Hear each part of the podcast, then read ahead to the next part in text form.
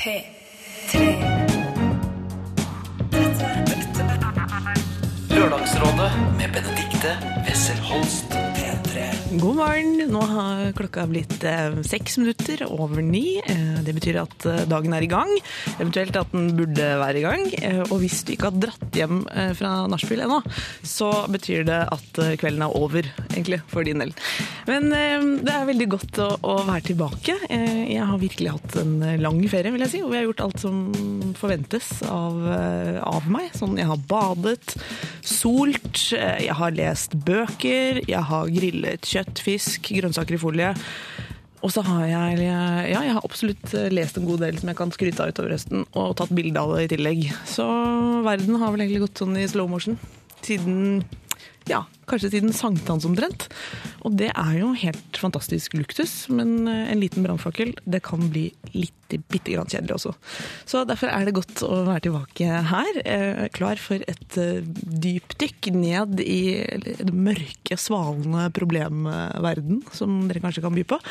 I dag så skal vi annet forsøke å hjelpe et par som De er nakne og snille naboer, men de har fått litt reaksjoner på, på den, eh, den frie måten å eh, leve naboskap på.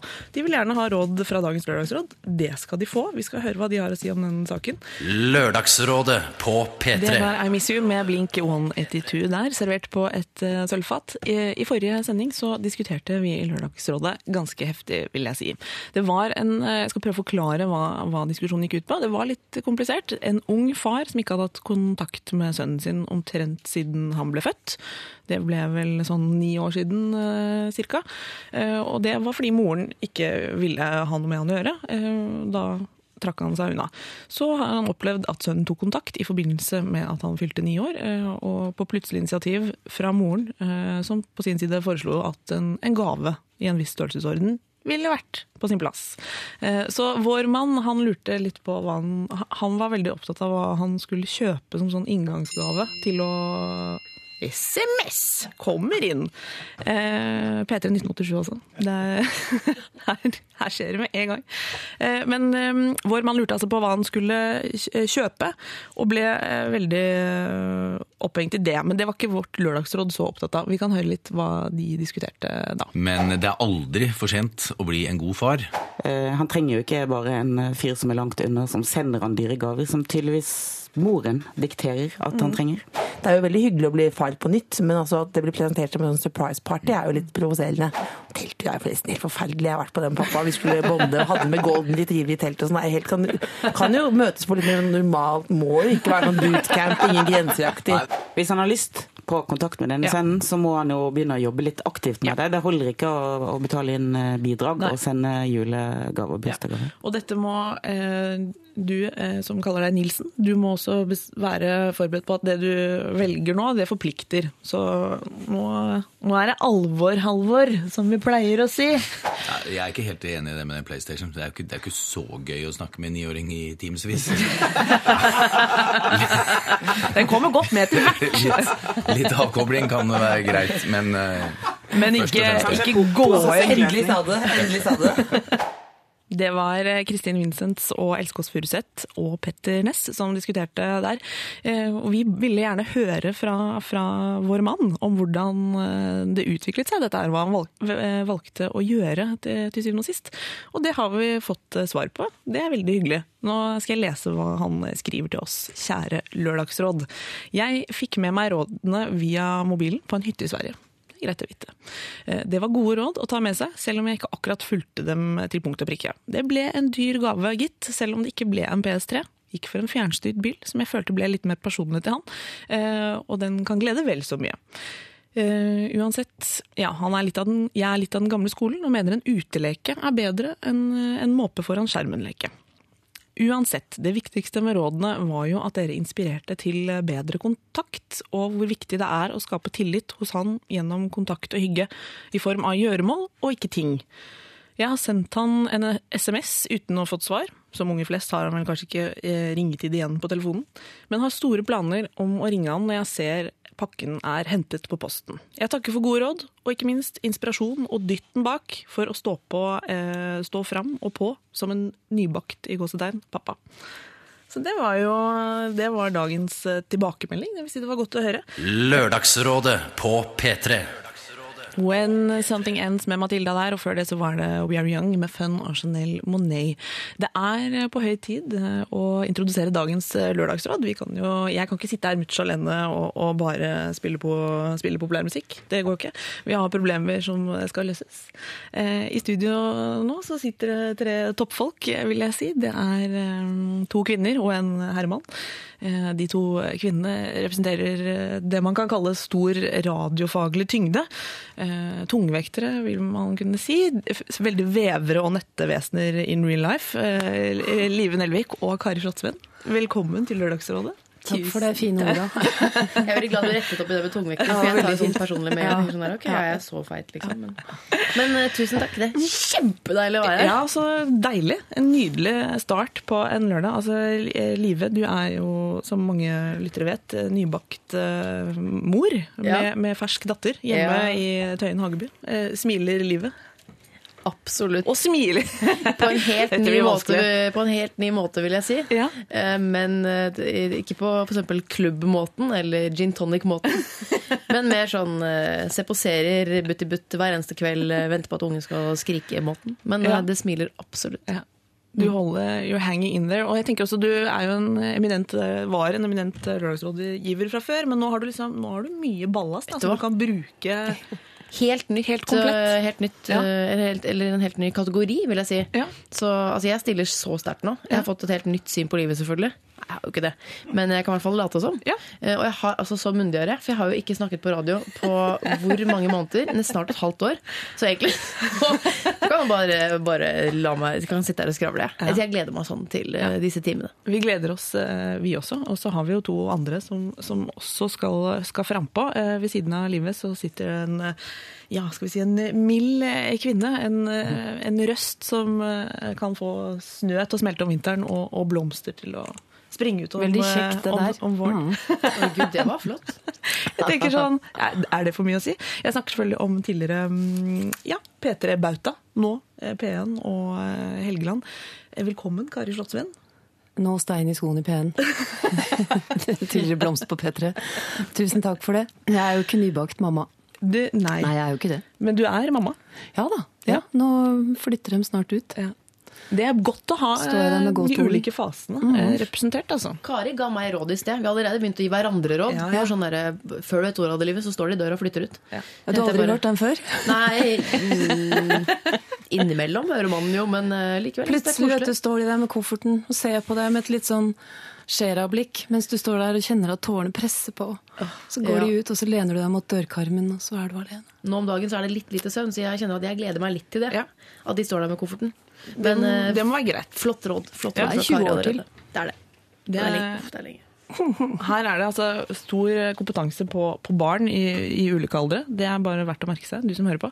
Eh, sist, og på ingen måte minst, eh, kanskje en av Norges høyeste menn innenfor eh, rimelighetens grenser, Odd Magnus eh, Wilhelmsson. Hei. Hei! Det er godt å ha deg her også. Det er veldig godt å være her også. Jeg la merke til at jeg ikke fikk beskrivelsen vever. Det er helt eh, greit. Det er det noe gutter Jeg tenkte at det, det vil du ikke være. Og så øh, liksom hjertevever som om- Nei, jeg tror man heller vil være grandios, kanskje. Eh, det, jeg tenker jo på meg selv som det, i hvert fall øh, ja, i forhold til høyde. At jeg er 1,91. Det er ikke, det er ikke freakshow-høyt, men det er jo absolutt høyt. Ja, det er absolutt høyt. Eh, Det er godt jobba med det. Eh, Jeg tenker sånn, nå, nå har vi sett eh, Jeg har i hvert fall sett, det har kanskje du som hører på også, den Tina og Bettina The Movie-traileren som ruller og går. Det ser veldig morsomt ut. Jeg bare lurer av og til på om du har et forkvaklet syn på unge jenter. Hva tenker du? Blir du har du liksom er, Tenker du at det er så mange slemme jenter der ute? Nei, men jeg tenker at det er mange. Ja. Og jeg tenker at det er øh, At øh, en alfakvinne på 15 år er det farligste mennesket i hele, hele verden. Fordi de er en sånn, dette, Jeg tror jeg snakket om det før, så hvis dette resonnementet høres veldig sånn veltalt ut, er det fordi jeg har sagt det mange ganger før. Okay. Men uansett så er det jo da en, sånn, en 15 år gammel jente er jo en sånn metamorfose mellom barn og voksen. Altså De begynner å bli smarte og får sånne raptorhjerner, samtidig som de har barnets mangel på empati. Så de befinner seg sånn veldig skummel Ja, men de er jo litt sånn derre ja. fulle av komplekser, og derfor bruker da liksom eh, mobbing og hersketeknikk som forsvarsmekanismer. Det er veldig skummelt. Ja. Det er jo Og i, ditt, eh, i din iscenesettelse også veldig morsomt, da, må man kunne si. På vegne av meg selv og karakteren jeg spiller, takk. Det er godt å ha deg her, i hvert fall. Tusen takk. Eh, Det må jeg si.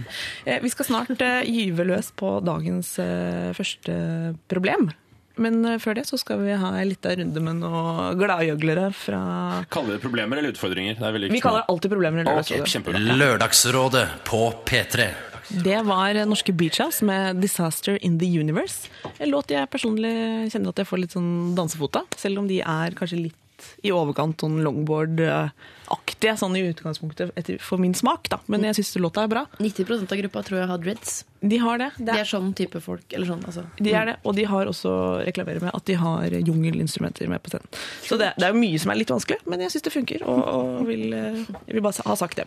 Det er altså Lørdagsrådet du hører på, og i studio så sitter jeg, Benedicte Wessel Holst, eh, sammen med Odd Magnus Williamson, Wilhelmsson, Kari Slottsveen og Live Nelvik, altså dagens eh, lørdagsrådgivere. Eh, Vi har eh, Er dere klare for å ta første problem, eller? Ja. Ja. Ja. Har syns dere liksom landa litt etter eh, intro, låt, fått dere en kaffe? Er klar for å liksom ta i et tak? Jeg er kanskje gnient å si dette nå, men jeg har ikke fått kaffe. Du har ikke fått, vet du hva, Jeg satt og følte på Ja. det, Odd. Kanskje Ja. å spille en låt til, da, Odd Magnus, så du kan få drikke litt Nei, litt jeg kan dele litt med her, Totsen. Her skal du kjøre på med kaffe. Ja. Eh, og jeg skal lese om eh, dagens eh, første utfordring Vi Som Odd spurte om, kaller dere det utfordring? Det gjør vi ikke. Vi kaller problemer for problemer. Du har vært med på radio før, du, Magnus. Det er helt, helt sant. Det er helt sant. Dagens første problem er som følger. Hei, Lørdagsrådet. Vi er et par som tidligere bodde i hver vår by, men nå endelig bor vi sammen i et hus på landet. Huset er idyllisk, og vi har det fantastisk fint eh, sammen. Problemet er den nærmeste naboen, som med en gang vi flyttet hit, var veldig åpen og blid, før han plutselig eh, gikk til å overse oss helt totalt. Vi har naturligvis tenkt litt igjennom hva det kan komme av. Eh, vi har et nokså aktivt eh, sexliv og går mye nakne. Innendørs, vel å merke. Men vi vet ikke om dette er den egentlige årsaken. Vi tenker dette som sannsynlig, da vi syns han ofte er litt da vi syns han ofte er litt for tett innpå husveggen her. Vi vet ikke helt hvordan vi skal løse dette i forhold til å skape litt bedre stemning. Eh, Det er jo et lite samfunn som vi begge er nye i. Tidligere inviterte hans kone oss på kaffe en dag, men eh, er dette mm, lurt? Vi vet dessverre ikke hvordan vi skal løse dette i det hele tatt. Ja, dette er altså hyggelige naboer, mm, men, men både kåte og, og nakne. Men det er to ting der. Ja. fordi Det ene er å gå naken hjemme, og så Ja. sier de at de har et aktivt seksualliv. Altså er det, er, henger det sammen hele tiden? Har de Ja. sex hele tiden? Nakne i huset rundt huset på plenen, tett opp til stakittet inntil hans mange Kan det bli litt mye? Det er jo veldig mye, altså det er jo lettere å ha masse sex hvis man er naken hele tiden. Det er Ja, det er mindre jo jobb. klart. Ja, det- Det kan være litt ta- spennende med klær en gang iblant. Jeg synes ofte det stoppet meg. At det er sånn, åh, må jeg ta av alle de klærne? Så hvis vi hadde gått nakne rundt, så kunne jeg liksom bare gjort det med en gang. Det er sant. Jeg ser en, en umiddelbar løsning. Jeg vil gjerne høre Odd Magnus Ja. Fordi dere, dere har et kjempeproblem. Det er at dere har fått hippiestempelet i, i bygda, og det blir dere ikke kvitt. Dere er å, å anse som fuck for forest-folk uh, uansett om dere vil eller ikke.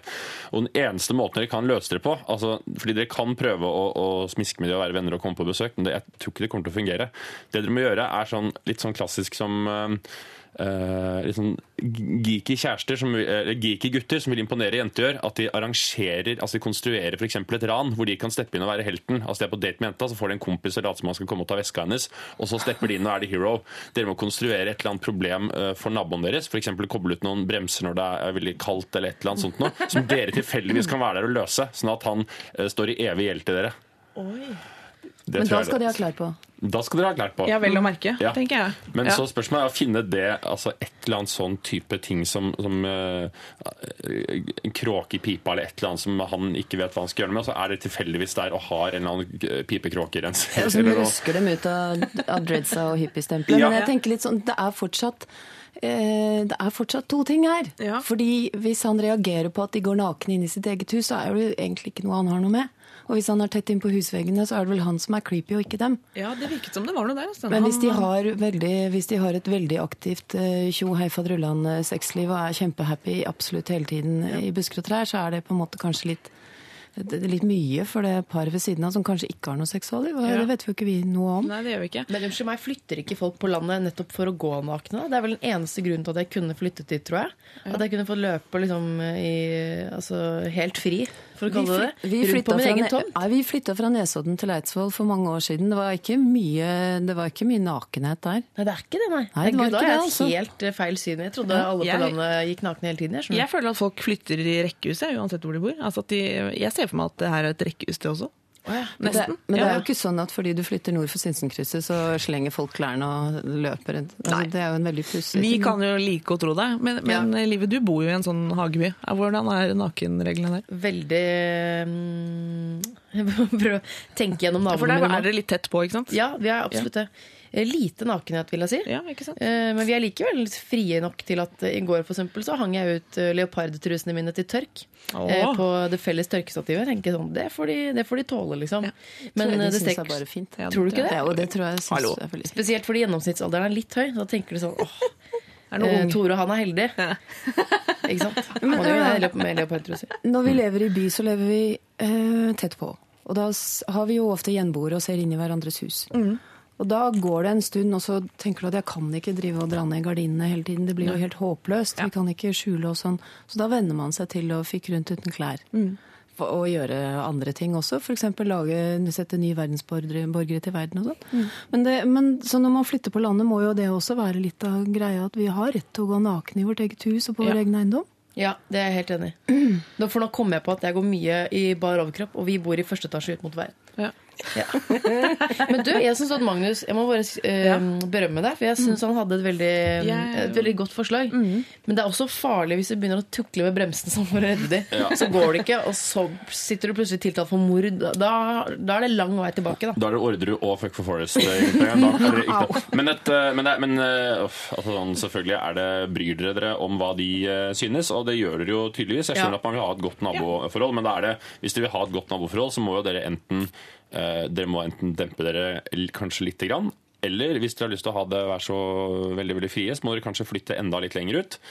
Hvis dere har lyst til å fortsatt ta vare på det, det der eh, crazy, eh, crazy livet, så må dere finne en måte å bli altså en slags eh, trojansk hest inn i nabohjertene gjennom å lage et eller annet problem dere kan løse og bli hero of the day. Ja. Eh, Er det, viktig, altså er det et viktig poeng å ha dem på besøk? Altså Invitere dem på noe vis? Altså, Ja. er det, Eller, for at jeg bare, du begynner begynne med det på et vis? Når du Før- før leste du- ja. så bare noterte jeg en liten ting her som jeg mener kanskje kan være veldig typisk norsk. Det er misunnelse. Ja. De er ikke misunnelige, da, disse naboene. Kanskje. Kanskje. Man kan bli misunnelig på, på unge folk med, med et aktivt seksualliv. Ja, Man kan invitere dem nettopp ikke på kake, men kanskje til å bli med. Swingers, Oi! eh, Er det dristig? Oi, oi, oi, oi, oi. Tenk, tenk, tenk så gøy hvis det var sånn Hvis de faktisk prøvde på det, og så var det det som var løsningen. Tenk til det. Det var det det bundet til. liksom. Da burde de lage en film. Da må de ha lyst, tror jeg. Ja, jo, ja, det er sant. Tenk liksom, Kjenn etter i deg selv. Det er en mulighet. Men eh, kjære altså, dere to, to nakne og, og blide naboer, er, eh, dere får jo forholdsvis mange konkrete råd der.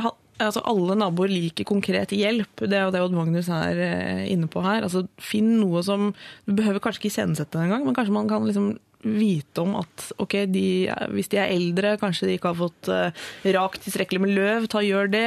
Er det en kråke i pipa, så finn en pipekråkerenser og, og ta grep. Altså gå inn i en litt annen rolle enn bare den nakne rollen. Ja, Eller så kan det også hende at det kan gå andre veien også. fordi Hvis dette er et eldre par, så det er det noe eldre mennesker elsker, så er det å gi råd og føle at de har nytteverdi. Så kanskje dere kan gå til de og si vi klarer ikke å lage hekk. For eksempel. Kan dere hjelpe oss? Det er Ja. et veldig godt råd. Vi, Ja. ja, og Vi skulle gjerne satt opp en hekk, for vi føler at vi kanskje er litt til forstyrret, men vi kan ikke lage hekk. Kan dere hjelpe oss på en eller annen måte å, å lydisolere oss fra dere? Og hvis det ikke går, Ja. så, eh, så kan man kanskje være så eh, streit og småkjedelig at man eh, snakker med dem.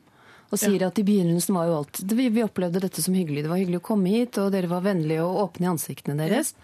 Uh, og vi tok en kaffe sammen. Men så opplever vi, for det må vi alltid huske å si, vi opplever, Ja, vi opplever. ja, vi opplever at, uh, at den siste tida har det blitt litt sånn eh, rar stemning. Har vi rett i det? Hvordan, eh, hva, hvordan har dere det? Er det dette som kalles eh, sjiraffspråket? Ja. Ja. Ja, Det det, er er et sånt konflikthåndteringsverktøy. Nei, dette har jeg aldri hørt om. Men det er kanskje fordi jeg aldri angriper konflikter på den måten der. Ja. For da bruker du ulvespråk istedenfor. Og det kan forklare forskjellen mellom at Ja. sjiraffspråket er den vennlige pedagogiske. Ja. Eh, Som tar det- utgangspunkt i min opplevelse. Ja. Du anklager Ja. ikke den andre. Og det brukes som det snilleste språket fordi sjiraffen har det største hjertet. Fordi den har så mye blod som skal pumpes opp til halsen. Jo, det er sant.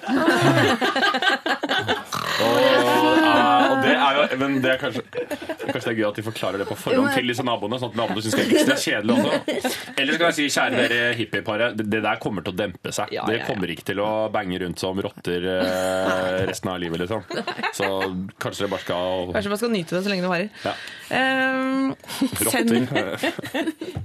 kort, eh, hippieparet. Kort oppsummert, ikke liksom legge om på alt, men, men ton ned noe, og inviter gjerne naboer til å Altså, Vær enten behjelpelig eller, eller vær litt hjelpeløse, slik at de kan føle seg viktige.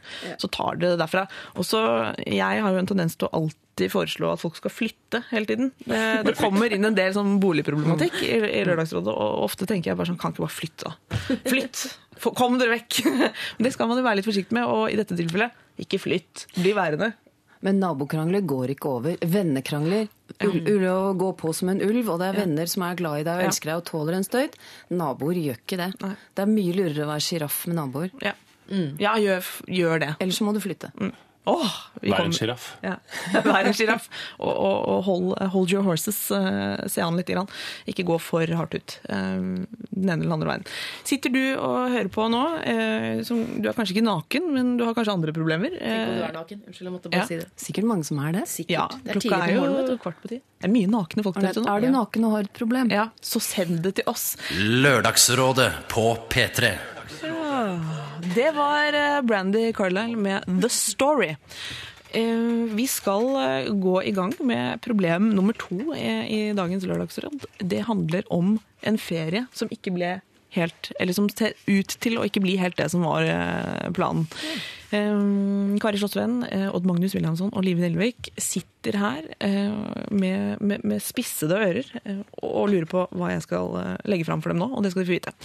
Hei, Lørdagsrådet. Jeg har et lite ferieproblem som jeg håper at dere kan hjelpe meg med å løse. En venninne og jeg har avtalt å dra til Syden sammen på sensommeren. Da vi planla turen for et par måneder siden, bestemte vi oss for å vente med å bestille, sånn at vi kunne følge med på prisene i sommer og slå til når det var billig. Eh, Så lenge vi var enige om avreisedato og reisemål, skulle ikke det være noe problem å vente litt med selve bestillingen. Vi kan jo ane at eh, med dette regnværet osv. ikke så god plan. Eh, denne uken fortalte hun at jeg skal reise, hun jeg skal reise sammen med, at hun har en venninne som også har lyst til å være med på ferie. Jeg kjenner ikke denne jenta i det hele tatt, og har bare så vidt møtt henne på skolen. De gangene jeg har sett henne, syns jeg faktisk det har vært eh, litt vanskelig å få kontakt med henne. Som dere sikkert merker, har jeg ikke spesielt lyst til å ha henne med. Ikke fordi jeg ikke tror det kan bli hyggelig å være sammen eh, med henne, men jeg gleder meg til å endelig få være sammen med min venninne i en hel uke. Problemet er at min venninne ikke har gitt eh, den tredje personen et klart svar, og i løpet av sommeren har forventningene hennes om en tur med oss steget. Nå tror hun at vi skal dra alle sammen, og hun har foreslått flere konkrete turer som vi kan bestille. Selv har jeg ikke visst noe om det her, eh, og sa det som det var da jeg snakket med min venninne, eh, at jeg vil at bare vi to skal dra. Er det smålig av meg å ville dra alene med venninnen min? Kanskje burde jeg være litt raus og innstille meg på at det kan bli en fin tur, selv om det blir litt annerledes enn det jeg har sett for meg.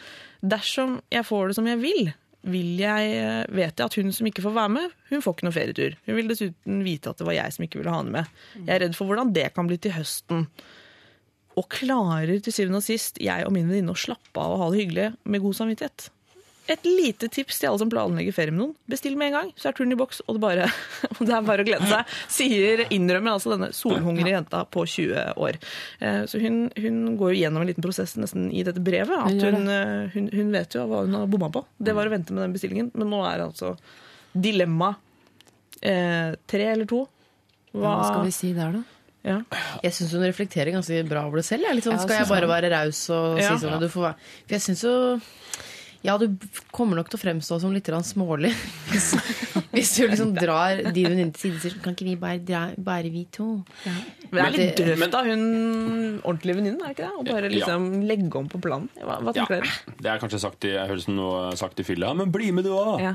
Men også blir det jo en catch 22 eh, for, eh, for du som har sendt inn dette her. fordi Um, du kan jo si nei, vet du hva, jeg vil ikke at hun eh, skal være med, jeg vil at det bare skal være oss fordi jeg vil ha det hyggelig sammen med deg. Men da, da blir jo det eh, en slags elefant eh, i, i høsten. Og så tror jeg venninna di kanskje syns det er litt kjipt. Jeg tror at du må svelge den pillen her, men det fins jo alltid en løsning.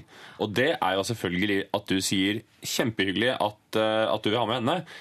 Da har jeg litt lyst til å kanskje ha med Tine eller Susann eller Robban eller en eller annen kompis venninne av deg, sånn at dere er fire stykker som drar. En eh, du kunne tenke deg å ha med. Det var et godt forslag. Og så blir det en slags blanding av hevn og Pluss at dere er fire stykker som kommer til å få det kult der nede. da. Ja, Er fire liksom litt lettere enn tre, eller? Fire kan være lettere enn tre, særlig Ja. når det er venninnen som har villet ha med Ja. seg den tredje som hun ikke helt har kål på. Hvis venninnen er litt vinglepetrine, så kan det jo dukke opp overraskelser underveis i ferien også. Mhm. Ja, det er og så står de der en tidlig morgen klokka halv tre på ettermiddagen og vil dra på en strand to mil unna. Og så vil venninna kjøre bananabåt i Alanya, så er det Ja, helt ikke eh, sant. Men du, det kan bli, man kan dele seg på dumme måter også når man er fire, fordi det er ikke plass til eh, fire ferierende mennesker i en taxi. Eh, Så da vil, Med bagasje og sånn. Jo, men med bagasje. Jo, det er plass til det. Ikke kvinner. Hvor mye bagasje har man? Jeg vet ikke hvor mye dere har, bagasje, men så er jeg er i hvert fall over den kvota. Hva er det? 22 kilo i hos Norwegian, eller 15, eller et eller annet. Eh, Så da må man dele seg i to taxier. I hvert fall til og fra hotell og flyplass og alt sånn. Eh, Og det, da, blir det ofte, da blir det sikkert hun innsenderen og Robban, hvis det er kompisen hun tar med seg. Og så blir det de to andre i en annen, og så er vi liksom i gang der òg. Med litt sånn todelt stemning? Ja. Jo, men hvis er disse her Er disse to nære venninner? Er det best Få inntrykk av det, Ja, ja. og hvis det er det, så er det jo dette med å si fra igjen, da.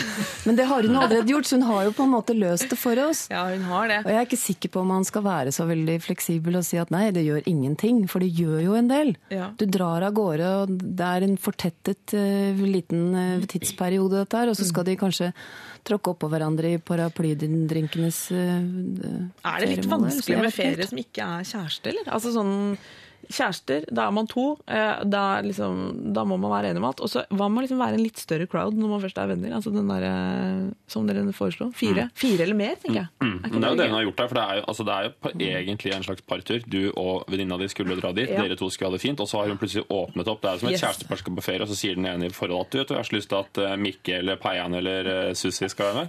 Så er det en sånn her Å ja, for det, det betyr, betyr det at du ikke har det bra sammen med meg. Men, Ja. men du har jo, altså, du må, hun må være med på turen, det er ikke noe tvil om det. Det er for seint å si fra. Og så er det heller det at du må bare lære av det. Én, å bestille ting på forhånd. Og to, hvis det er noe som er galt, enten i forholdet ditt eh, blant venner, si fra så fort som overhodet mulig, og helst innen 24 timer, sånn at ikke det blir For det, det, det vokser seg større og større for hver dag, det problemet der, helt til det ikke lar seg gjøre. Ja. Jeg syns eh, det beste rådet her var hvis det virker helt umulig, for det koster jo penger dette her òg. Det koster masse penger. Nei, det koster man- ikke så mye. En hoppe på tur til Alanya, det er 2000 Ja, hvis det er. Alanya de skal, men det står bare Syden. Ja, det er Alanya. Det er mange om, mange om beinet nå, så disse Sør for Drammen er jo Syden i disse dager, men, det, jo. er, men det, det koster jo en del penger uansett. Ja. Og man skal jo tenke tilbake på dette som noe ok, så kanskje løsningen er nettopp det som du foreslo, å ta med flere. Ja. Kanskje mer enn én til. Kanskje kan vi ikke heller dra en gjeng når vi Ja. først er tre? Ja, sånn at dere er sju taxier, og ikke to. Ja, for tre er jo en gjeng. En minibuss. Ja. Eh, Solunger jente på 20. Eh, ta, eh, du skal på tur, det, det er ganske tydelig, og det skal nok denne tredjebanen også. Så kanskje få med en, en eh, nummer fire. Så det blir en, en gjeng. Og med en innstilling om at det blir hyggelig. Eh, Så blir det jo ofte det. Eh, Hvis man klarer, liksom, som du skriver på slutten her, at du, du har lyst til å være Hvis du virkelig har lyst til å være den rause personen, så får man til det. Eh, Ja. Og da, da blir det faktisk vellykka. Og det er bare en uke, da. Det er bare en uke. Ja, det er, det Med er. masse alkohol. Ja, ja. det er ingen på Det 20 blir så som gøy, drar til Syden for ikke å drikke. Nei, nei, nei. Alt men, hyggelig med alkohol. Men én ting skal vi ikke ha nå, når de tre drar sammen, hvis det blir de tre. Da skal det ikke være sånn at bestevenninna hennes og den, den som har kommet inn nå, så skal ha dobbeltrom, og hun skal ha enkeltrom. Nei, Nei. det går ikke, ass. Det Eller vi- sånn det- dobbeltseng og sånn der Ja, det går ikke. brettutseng. Vi får håpe at hun venninna i andre enden kanskje tilfeldigvis eh, hører på, og da vil vi oppfordre deg til å være ekstra raus og snill med hun venninna di, sånn at hun Ja. ikke føler seg Ja. Teit oppi dette her. Enig. Åh. Eh, Det var litt eh, om trøbbel eh, i, i ferieparadis. Lørdagsrådet på P3. Det var Carpe Diem. Jeg har egentlig aldri skjønt hvorfor ikke de kaller seg The Carpe Diems. Det syns jeg hadde vært litt sånn kulere, for de er jo to. Altså sånn, Da blir det mer danseband over det. Carpe Jeg syns jo det er litt rart å kalle seg Grip dagen, ja, da, men Ja, det er jo Er det det, Den eh, det med, Ja. Hva hvis de har kalt seg for Carpe Diadem? Altså, ja det, bare det hadde altså vært Grip bedre. Diadem, Altså. altså som en sånn slags på en måte i eh, overført betydning betyr hold på hatten. Nei, ja, eller altså, som mer symbolsk at Grip ta kronen. kronen. Altså Ja, grip, sånn, ja. ta den. Det er bare krona for grabs, liksom. Ja, det syns jeg var kult. Yes, hvis uh. Karpe Diem hører på, så Ja. syns jeg de burde vurdere det forslaget ditt seriøst. Mm. Ja. Eller Karpe Karpe, altså grip fisk. Ja, det er klart. Oi. Ja. Det er Egentlig ja, det er morsomt. Det er Karpe. Diadem eller Karpe Karpe. Ja. Uansett, det var uh, Toyotaen til Magdi. Karpe Harpe. Rett og slett, eh, Det er mye de kunne gjort, da. Ja. enig. Eh, neste problem, kjære Lørdagsråd, det er altså Odd Magnus eh, Williamson, komiker og vi vil også kunne si skuespiller. Eh, Medmenneske også. medmenneske også. Radioprofil, Kari Slottsvenn, og radio og, og ja, så Dere to er jo liksom radio og TV. Kari Slottsvenn og Live Nelvik. Godt å ha dere her, alle sammen. Vi går i gang med et nytt problem. Som, dette, som, jeg, som jeg nevnte for dere under Toyotaen til Magdi, så er det litt sånn Det er veldig konkret. Eh, Vi skulle kanskje hatt noe juridisk kompetanse rundt bordet. Det har vi ikke. Så det blir fri flyt av synsing. og bare rett og slett føle på hva vi syns man skal gjøre med et såpass konkret problem som dette er. Ja. Første, andre og tredje avdeling juss. Har du? Nei, men det høres jævlig bra ut. Jeg måtte bare prøve å si det. Det var ljugevitsen! Ja. Eh, Jeg leser som følger eh, Hei, Lørdagsrådet. Jeg bor i et område der kveldssolen er et heller ukjent begrep. Nå har vi sol til ca. klokken halv sju. Problemet er at naboen på 91 år har en kjempestor bjørk som skygger for hele huset vårt. Ja, dere kan le, men det er faktisk Jeg, jeg, ler ikke. Nei, Og Magnus tar dette kjempeseriøst. Ja. Eh, skygger for hele huset vårt med hage og terrasse fra klokken 15. Jeg syns det er vanskelig å ta opp dette med naboen, eh, da hun har bodd der i ca. 60 år, og vi i ca. 6. Eh, I tillegg til at bjørka skygger, så drysser den voldsomt. Eh, terrassen vår er gul om våren og full av løv hele høsten. Dette begynner å bli litt frustrerende, men jeg vil verken være respektløst overfor naboen eller for feig til å tørre å si fra. Råd! Hilsen jente på 36 med familie på 5. Råd Oi. kolon. Jeg bor i Hageby. Nei, råd spørsmålstegn. Ja, Ja. men her, Og her kommer råd kolon. kolon, Ja, mm. fra meg. Jeg bor i Hageby, Ja. eh, så jeg kjenner til litt dette med trær, busker etc. Ja. Eh, Man skal ikke være så redd for å fremme forslag om overfor naboen i forhold til sånn kan jeg, Er det greit for deg om jeg? Ja. Fordi mm, her om dagen, eller for noen uker siden, så fremmet vi forslaget om å ikke lage en hekk mellom altså, eh, vår hage og hennes, hans hage. Eh, En kvinne og en mannlig nabo. Um, og de var kjempepositive. Vi grudde oss veldig. Var sånn, kan ikke du gjøre det? Nei, du må gjøre det. Og sånn. Så var det jeg som måtte gjøre det. Gikk bort og sa kan, er det greit for dere om vi planter en hekk som blir sånn bare for å skille litt? Ikke noe problem. Plant i vei. Driter i det. Men her har vi gått og grua oss. Ja, Så at du vet aldri. Plutselig vil hun gamle, den gamle damen kjempegjerne hogge det treet. Men det er alltid en mulighet for at det treet ble plantet da de fikk sitt første barn, eller da hun giftet seg. Og sånne ting. Men det kan jo hende at det går an å Og her kommer dere med fem unger og hugger ned hele greia. Ja. Men det kan jo hende at, at det går an å beskjære tre. Det Mm. er ikke sikkert at det må hogges helt ned, det vet vi jo ikke noe om. Det vet hun bedre, hun som bor der. Ja, Odd, Jeg, du eh, tok problemet på alvor. jeg Du tar, på, jeg tar det på kjempealvor. Ja. Og jeg, jeg skjønner det så godt at det er vanskelig å, å, å, gå og banke på døren til en 91 år gammel dame og si fra om det. Men det må jo prøves før man, uh, uh, før man går til drastiske verk som å f.eks. hente inn altså, motorsykkelgjenger til å liksom skjære ned tre. Ja. Men jeg ville spilt allergikortet, helt Ja. klart. Og gått og, og sagt at du, vi har et kjempeproblem. Det er at vi har to døende barn. Av, De dør av bjørkeallergi. Det er nesten rart at de ikke gjør det allerede. Ja, bruk allergikortet for alt det er Ja. Og si at eh, vi er dessverre Vi, vi, vi har ikke noe lyst til å si fra om dette. Vi syns bjørka det er så vakker, men vi er nesten nødt til å flytte hvis ikke vi kan få gå inn og beskjære litt. Og når Ja. vi først er i gang med å beskjære, hadde det ikke vært deilig med litt nabosol, da? ja, ja. Kan jeg si en ting Ja. da? Jeg syns det er fælt å hugge trær. jeg. Ja. Og alle, Um, alle nordmenn, er det noe nordmenn vil ha, så er det masse sol på verandaen og helst ingen skygge i det hele tatt. Og kveldssol er nærmest kvelende. Ja. Ettermiddagssol er steikevarmt. Og det fineste som fins, er det grønne løvet og den fine skyggen som kommer når sola siles gjennom. Så jeg la treet stå. Ja. Jeg håper det Jeg- Gran Tre- Sykt. Gran Tre hører på P3 nå, Kari. Ja, det håper jeg. Jeg har nemlig eh, vokst opp et sted med en del trær. Eh, nå er alle borte, faktisk. Vi har flyttet. Men eh, det er en forskjell på løvtrær som bjørk og furu, f.eks. Furu er, eh, tar ikke så mye lys, og de tar er dessuten krever veldig mange flere år på å bli store trær. Så de skal man være veldig varsomme med, mens bjørk er eh, ofte mer villnisaktig og ikke et så eh, verdifullt tre, på en måte, sånn eh, aldersmessig. Altså det er en forskjell på gran og furu, f.eks.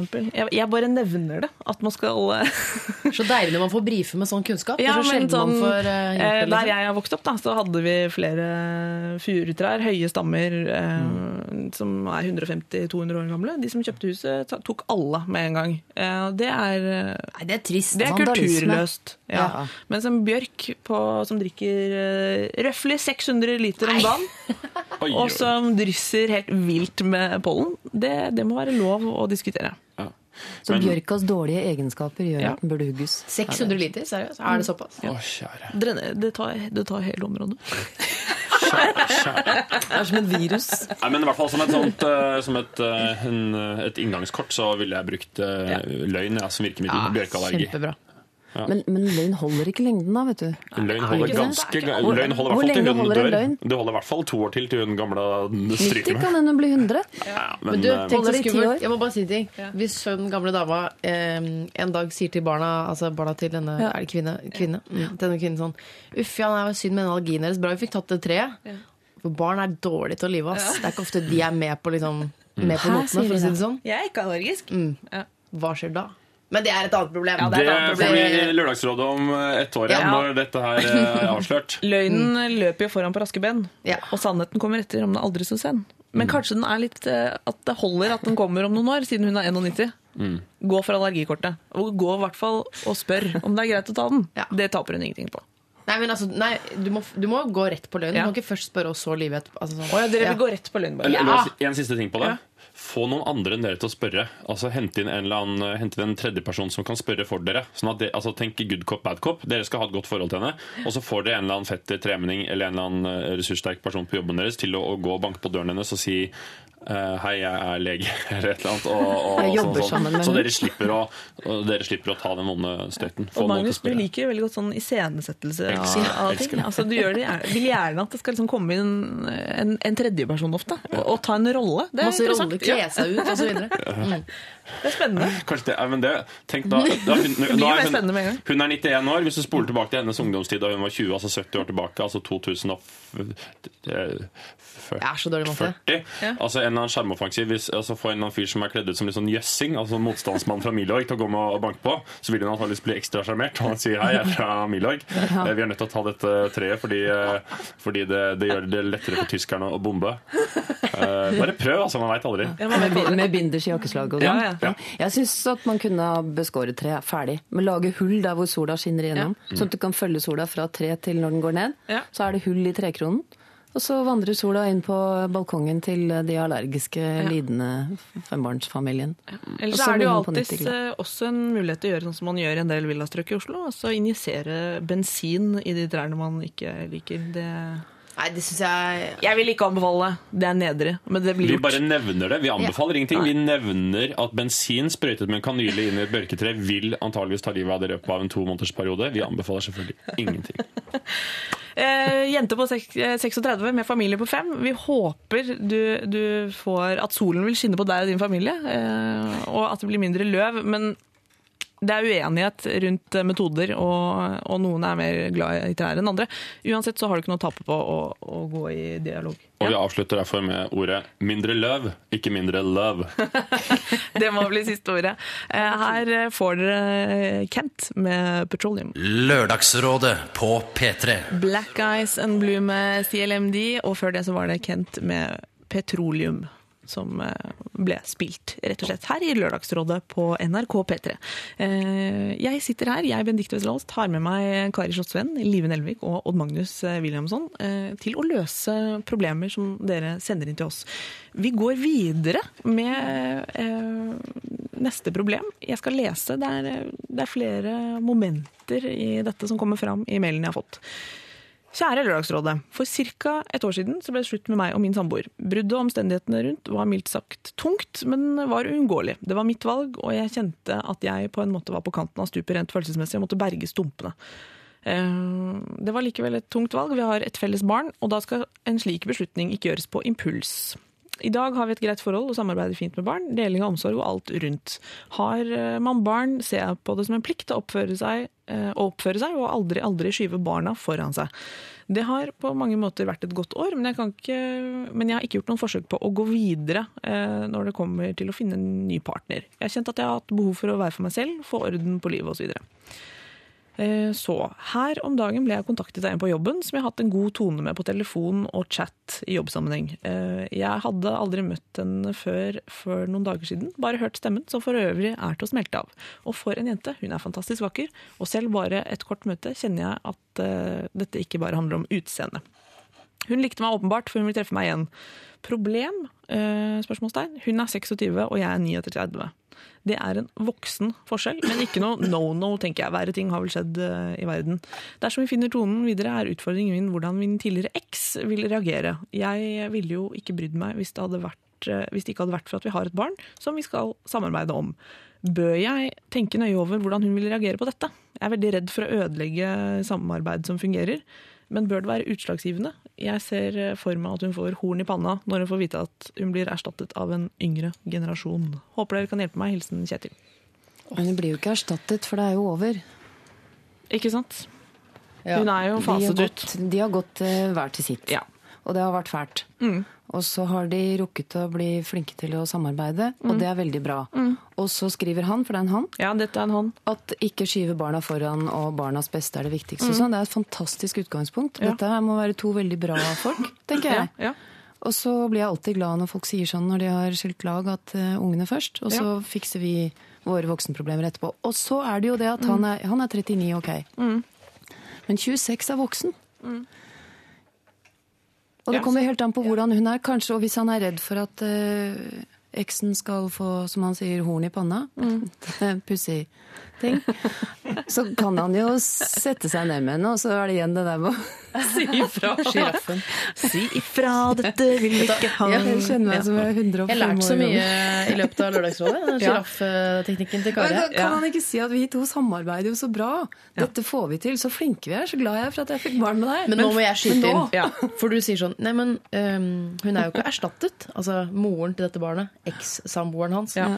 Eh, en kvinne på 40 som blir, blir bytta ut på en måte med en 26 år gammel jente. Men blir hun bytta ut? Nei, hun blir Hun ikke bytta ut. sånn. Hun føler Ja, det sånn. Okay, ja. Hun er ikke, kommer ikke til å være spesielt samarbeidsvillig. Eh, jeg vil si i hvert fall det første året. Nei, det var kanskje rett. Ja. Du ser for deg, altså Han foregriper jo begivenhetenes gang her. Altså Han sier jo at det går, kommer til å bli sånn. Jeg tror jeg hadde blitt eh, ganske sår selv, altså. Ja. Hvis jeg tenker meg om veldig hardt. ja. Hva sier du, Odd, som, eh, som alfahann generelt, og som eneste mann i panelet? Jeg øh, vil støtte han 100 Og jeg hører øh, Jeg hører dere ler. Men da vil jeg bruke det, et bilde som er et bilde fra sikkerhetsprosedyren på fly. At du skal ta på din egen oksygenmaske før du hjelper de andre. Og det er egentlig sant i tilfellet, fordi hvis du skal gå rundt og, og hele tiden tenke på hva er det beste for henne, hva er det Ja. beste for barnet, så kommer du til å bli ulykkelig, og da kommer du til å bli en uh, dårlig far og et trist menneske etter hvert. Eh, så det er helt klart uh, skal du se, prøve å snu steiner her og se hva som ligger under. Men det som er veldig viktig, er jo denne karantenen for når hun, altså denne 26-åringen etc., skal få lov til å på en måte møte deres barn, og hvor lenge du på en måte kan deale og holde på før det er noe vits å si fra til din da tidligere samboer når dere skal bli sammen. Men jeg syns du helt klart skal liksom gå inn og se er det noe her. Og hvis det viser seg at dette her er eh, dere holder på en måned, og så finner du ut at nei, det her var ikke noe, det var for store aldersforskjeller, så kan hun bare forsvinne ut i periferien. Men at du i hvert fall sier ok, vet du hva, jeg gir henne en måned og, og begynner å henge med henne annenhver helg og annenhver uke i forhold til hvordan dere har inndeling med barnet, for å se om det er noe. Og er det noe, så er det kjempefint. Og når du da kommer til din samboer om f.eks. to måneder og sier vet du hva, jeg møtte en jente for en stund tilbake, det er veldig, veldig fint. Eh, hvordan syns du vi skal løse det i forhold til eh, vårt barn? Men ikke tenk på hva din samboer kommer til å synes. Og hun har ikke noe, altså din tidligere samboer jeg vil bare tenke sånn at Se om dette her er bra og fint. Og hvis dette her er kjempebra og fint, så kommer det bare til å bli bra for dere alle sammen. Men det kommer til å ta tid, og det krever selvfølgelig masse respekt eh, fra deg etter hvert overfor din samboer og hvordan du løser det, men ikke fornekt deg selv liksom, noe kjærlighet eh, opp dette her. Og det er jo en grunn til at, til at det har tatt ca. et år før du, ja. før du har lukket opp øynene for dette. her. Dette er jo det at det er ikke nødvendigvis sånn at kjærlighet handler om at det finnes to rette personer for hverandre. Det handler også veldig mye om timing. Um, så jeg sier gå, prøv å gå varsomt uh, fram. Så er det jo dette her med samarbeidet etter et brudd. ikke sant? Hvis de, blitt, hvis de samarbeider godt og har blitt ganske gode venner, så kan det også hende at de jeg vet ikke, bor de i nærheten av hverandre. Flyr de litt sånn inn og ut av hverandres hus? Er de vant til at de begge to nå er, to, de er på hver sin kant og har ikke nye kjærester? Så er det en overgang. Og da the proof is in the performance. Da må du bare vise at det, du fortsetter å være en like ålreit forelder som du var før du fikk en, en eh, ny kjæreste. Så den nye kjæresten kan kanskje, som dere sier, vente lite grann.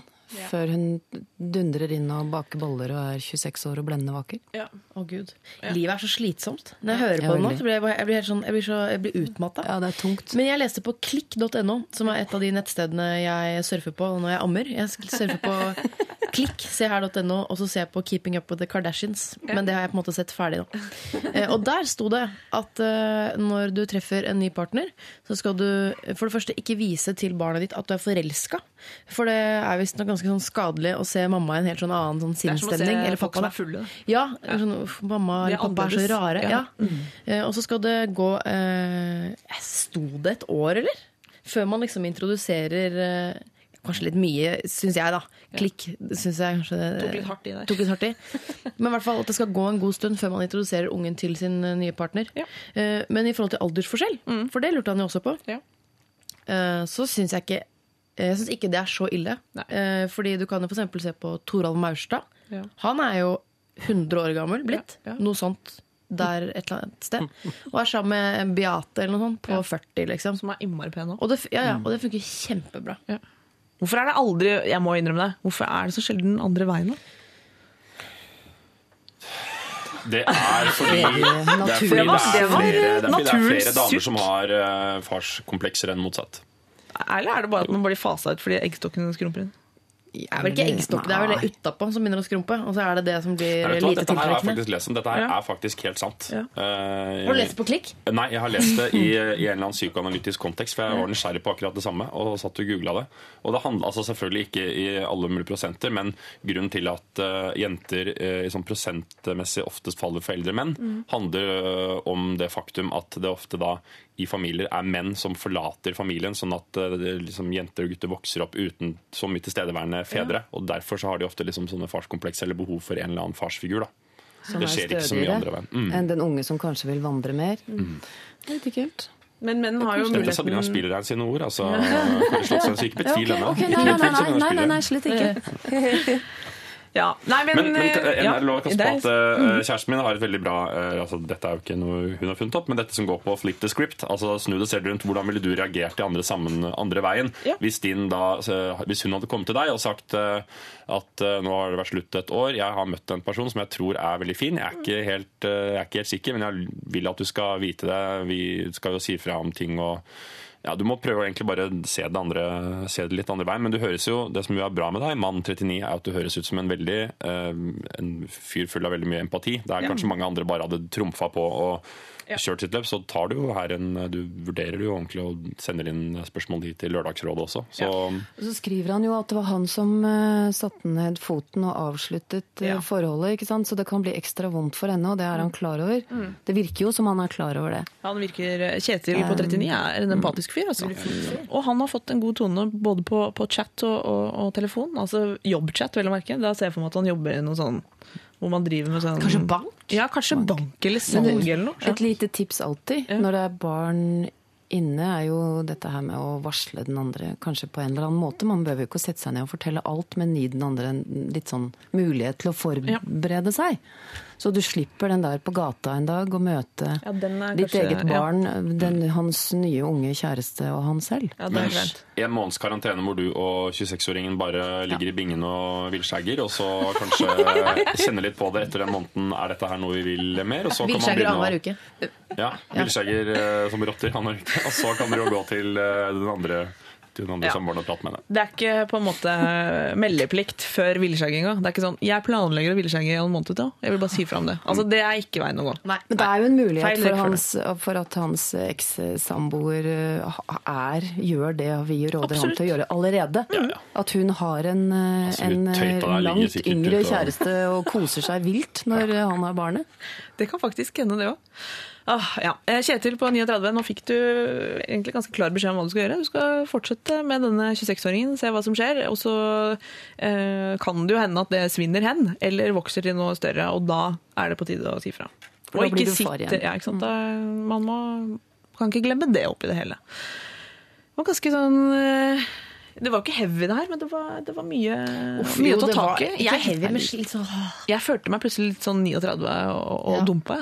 Jeg. Det er kanskje fordi jeg er kvinne. Jeg tror Håkon Mosleth er bekymret over at uh, alderssnittet i P3 er blitt dratt eh, veldig opp. Er han det? Er Er han det? Har du fått inn en melding? Nei, jeg bare tenker det i og med at det er 39-åringer som sender inn spørsmål til uh, Å ja, sånn ja. Ja, sånn. Men han er Men, jo jeg, 40, så ja, men ingen av oss er jo over 30. Nei, nei, Nei, så Hvem da er det som går det sagt egentlig? Nei, ingen. Ingen! Altså, jeg er 29. ja, det er. Dere, dere også, altså. For all del. Vi òg. Men eh, barn og kjærlighet eh, det kan dukke opp eh, fra 16-årsalderen. Så det er, det er ungdomsproblematikk, det. Yep. Jeg kan ikke ta oss på det. Har du spørsmål som du vil at Har du spørsmål, helt konkrete spørsmål til rådgiverne som sitter her i dag? Altså Noe du har lyst å, å spørre f.eks. Live Nelvik, Kari Slottsvenn eller Odd Magnus Wilhelmsson, så er det bare å sende en SMS, P3, til 1987. Så skal vi se om det er noe vi kan ta på lufta. Diskutere. Høre hva som kommer ut av det. Kan vi spørre internt, vi også? internt også full, eh, full mulighet til å stille hverandre spørsmål. Det blir ofte sånn i Lørdagsrådet at man eh, får lyst til å lufte både det ene og det andre, og det, det er helt riktig. Man skal bruke tiden når man sitter her eh, en lørdags formiddag. Eh, fortsett å sende oss problemer, vanlige problemer, uvanlige problemer, store og små. Det er lralfakrøll.nrk.no. Her får du eh, unge Dreamon med Rise. Lørdagsrådet på P3. Dreamon med Rise der. Eh, Lørdagsrådet hører du på nå. Det er eh, P3 som er kanalen. Hvis du ikke har en sånn DAB-radio hvor alt bare er stilt inn på forhånd, sånn at du alltid vet akkurat hvor det er. Hvis du driver og tuner litt fram og tilbake på FM-båndet, så er det altså P3 som er stedet du er nå. Og det, grunnen til at jeg informerer om det, er for at vi har stemmen til Kari Slottsvennen eh, her i P3-studio, og den er jo for mange nå en P1-stemme. Det er greit å informere om. Og så har vi Live Nelvik, eh, som eh, for mange er P3 Morgens-stemme. Eh, hun er jo i permisjon, hun er innom Lørdagsrådet. Og så har vi Odd Magnus Wilhelmsson, skuespiller og komiker, som stort sett, innbiller jeg meg, ikke er oppe sånn Du pleier ikke å stå opp klokka ni på lørdager generelt. Eh, Altså litt før ni, da, siden du er her ni. Er det litt Nei. tidlig for deg? ikke, ikke når jeg har barn, men uh, utenom det er det for tidlig. Greit. Eh, og Odd, eh, ja, det er jo ikke når du har barn, som Som du sier, din samboer har barn. som ja, vi du- har et lite barn. Ja, så hyggelig. Da står jeg på, det er jo så sjukt og tidlig. Ja, det er tidlig. Det er for tidlig. Eh, vi lurer jo litt på eh, om det kunne bli oppfunnet noe som fikk eh, små barn til, å- til å sove litt lenger om morgenen. Det vet jeg mange ønsker seg. Det er vanskelig. Kosilan heter det. Det er et uh, opiumsbasert hostesaftpreparat. En liten klut med sherry på, det gjør underverker. Eh, for de som lurte på det. Heter det ikke rødvin og Paracet i mor kvelden i forveien? Pupp siden, altså, altså inn i barnet? Oh, ja. Det har jeg også hørt er et triks. Ikke prøv det. Nei. Litt rødvin har jeg vel kanskje prøvd. Jeg kjenner jeg sitter helt stille her. Jeg, Ja. venter til dette går over. Ja, ja, ja, vi venter det går over. Vi skal kjøre en liten spørsmålsrunde eh, til dere, kjære rådgivere. Det har kommet inn noen eh, SMS-er av folk som hører på. Eh, første til, til deg, Odd. Til høsten så kommer du med to filmer, det kan jeg jo informere om. Det er Tina og Bettina The Movie, hvor du er et grusomt ungdomsvesen. ungdomsvesen. Altså, jeg vet du skal være en jente, du ser fortsatt veldig maskulin ut. Det er gøy. Takk. Du er en mann som er umulig å feminisere helt. Det er sant. Ja, kanskje litt go- godt å vite. Henrik Thodesen derimot. Henrik Thodesen er jo helt nydelig som jente. Veldig vakker. Ja, ja, ja. Herregud. Eh, Men spørsmålet er selvfølgelig Og så skal du være med i Kon-Tiki-filmen, som også er veldig spennende. Eh, Og da er det en som lurer på Er det vanskelig å veksle mellom de to sjangrene. Kommer du til å være redd for at eh, Ja, litt langt forklart, men altså det der at du først er veldig, veldig morsom, og så skal du være veldig seriøs. Er du redd for å, Um, at det skal ikke funke? jeg, Eller, jeg er ikke så redd for det, Nei, nei. Men, uh, men skjønner er det vanskelig å veksle mellom Jeg det? tror vel at uh, Nei, altså det er ikke vanskelig for meg å veksle mellom det å spille en komikerrolle og en seriøs rolle. Um, men uh, jeg tror jo at uh, det nok for uh, altså regissører eller produsenter som caster en sånn type film, vil nok alltid være betenkelig med det å ta inn en komiker i en seriøs kontekst, fordi det kan framstå litt sånn Det er, kan bli en litt sånn klovnenese oppi det liksom, seriøse dramaet. Men så, men så skal det sies at også veldig mange komikere har jo gjort det veldig bra som seriøse skuespillere. Jim Carrey i uh, 'Evig solskinn' i et uh, plettfritt uh, Sinn. Hva i all verden er det for noe? Men sånn, å bytte mellom en uh, komikerrolle og seriøs er, er ikke så problematisk. Ikke for min del, i hvert fall. Blir man kanskje bedre skuespiller av å kunne spille på flere strenger? Jeg tror man får bli bedre verbal av, Ja. å, ha, av, å, ha, mm, av å ha et komisk gen. Absolutt. Jeg kjenner nå at jeg kanskje ikke stoler helt på en skuespiller som jeg aldri har sett liksom, gjøre noe morsomt. Jeg. Nei, Er ikke er det litt rart, da? Hvis du liksom er bare dønn seriøs i alle roller? Jeg vet ikke. Jo, men er det ikke Vi har, det jo, vi har jo de fleste uh, sjatteringene i oss. Ja. Og ofte er det jo sånn at de som er morsomst på scenen, ofte er de som er alvorligst av. Eller det hender jo. Ja, det kan det. Og mange av de største komikerne har jo en eh, litt sånn sorgtung bunn. Det kan være, og dette med å være skuespiller kan også være sånn at du får ut, tar ut, tar ut ja. på scenen. Det er jo litt sånn rødlyslampa midt i panna. ikke sant? Da tar du ut andre ting. Du, Ja. spiller, du spiller jo ut en greie. Mye bra komikk har noe fælt i seg. Absolutt. Er det en klisjé?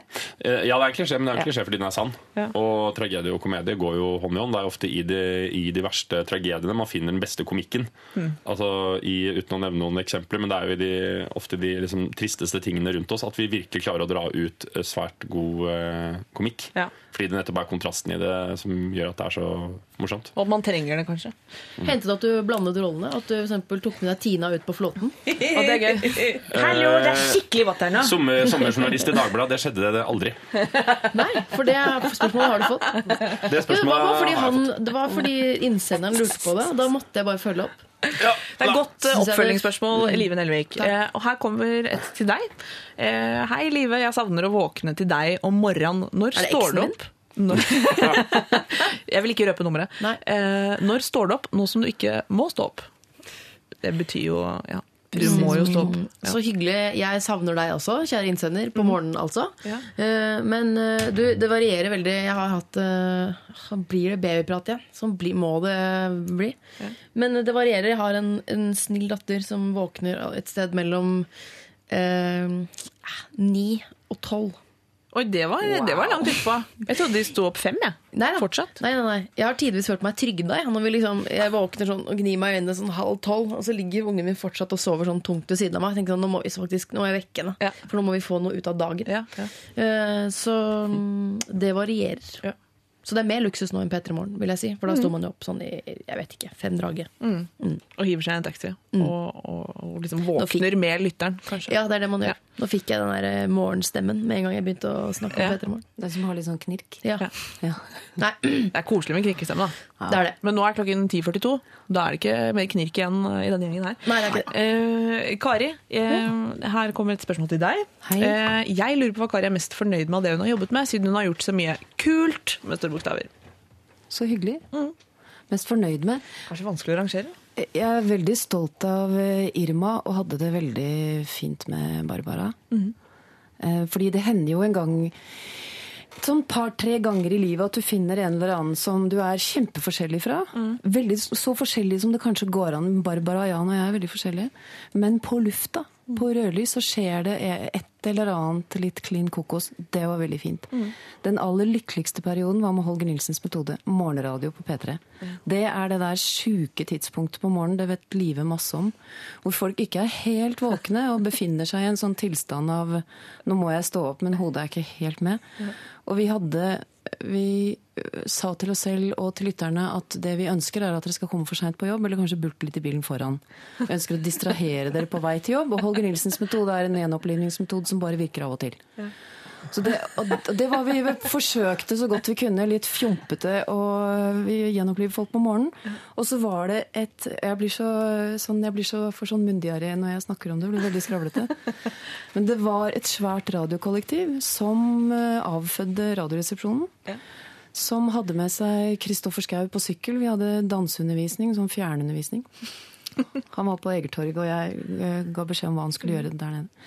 Det var mange mange fine ting. Masse figurer. Petter Skjerven, verdens aller beste radioprodusent. Espen, det var så mange gode radiofolk. Espen Omdal. Og så har jeg vært så, så sjukt heldig fordi jeg fortsatt jobber sammen med deler av Holger Nilsens metode på P1. Så det får være en sånn hei, vi er her ennå. Ja. På kvelden på P1 hver onsdag fra 22. august. Det er på en måte Holger Nilsens metode opp ned, men vi er langt færre. Det er Skaler av. Jeg er jo plutselig altså Her sitter jeg og Peter, og plutselig føler jeg jo at eh, jeg må litt over på P1 innimellom. For det, det er mye bra der. Eh, send fortsatt inn SMS-er, gjerne med egne problemer. Eh, eh, alt er av interesse, egentlig. Eh, kjør på. Er det Det rom for interne spørsmål nå? Ja, skal vi ta et Vi Det er kjører på et spørsmål. Veldig gjerne Odd Magnus. Du nevnte Holger Nilsen metode. Mm. Hva er forskjellen på Holger Nilsen metode og Heimlich? Heimlich er det Hva Heimlich var det igjen? Er Det er det i bryst... Ja. Og for, for eksempel hvis du har fått en klinkekule i halsen, Ja. så Kanskje heller en Ikke gå så biffbit, blank. eller? Ja. Men Holger Nilsen var vel lå, lå de på magen, var det det? Og så armene opp. Ja. Så den ligner jo lite grann. Men i instruksjonene for Holger Nilsens metode, hvis jeg ikke husker helt feil, så står det noe om at når du har uh, holdt på med gjenopplivning i en time, så kan du regne personen som forulykket. Det der er jo nærmest likskjending. Det er forferdelige ting. Men da kom munn til munn, og det var mye mer eh, Den, den tok over. Så Holger Nilsen, som da var han som satte håndballen i system i de danske skoler, idrettsoffiser, han ble parkert med gjenopplivningsmetoden, og man fant ut at det er mye bedre å putte luft inn i munnen Ja. Enn å drive der og presse på ryggen. Når var dette? Hvor lenge praktiserte man Holger Nilsens metode? Bo, det er et godt, det kunne jeg en gang.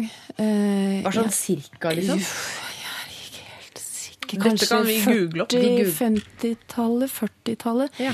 Kan vi ikke finne ut av det? Vi googler det. Jeg Alt kan finnes finnes ut av. Ja, Eh, sånn er det jo. 17, 14.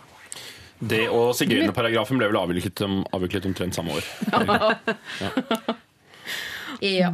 Men godt er det uansett at eh, du fortsatt er å høre. Altså du, nå har du vært lenge på radio, Kari Sjåstheim. Det har vært lenge på radio. Veldig. Jeg kom til NRK i 1989. Det er før dere som hører på, ble født. Ja. Men Åh, det, er hyggelig. deres. Det er godt Også, å vite at man kan holde fortet. Ja, nå har vi to program. Vi har sender Helgeland seinere i dag på, på P1. Vi bestemmer musikken selv. Um, og har med oss um, P3-folk som var i P3. Så alt forandres. Alt forandres, men stemmen til Kari er den samme. Det må vi kunne slå fast. Litt knirkete der. Litt knirkete og veldig rolig. Eh, fortsett å sende oss eh, SMS-er. Det er P31987. Eh, mail oss på lralfakrøll.nrk.no. Der kan du skrive så langt du vil, og, og, og bruk tiden til å forklare hva du eh, sliter med. Så, så tar vi tak i det, og, og vi løser alt. Det er egentlig mottoet her. Ingenting blir bare leflet med. Lørdagsrådet på P3. Du måtte ha flytta på deg, var beskjed fra Alina Deverseski. Og før det så var det Joe D'Alessandro med Briskeby og Ken Springfellow.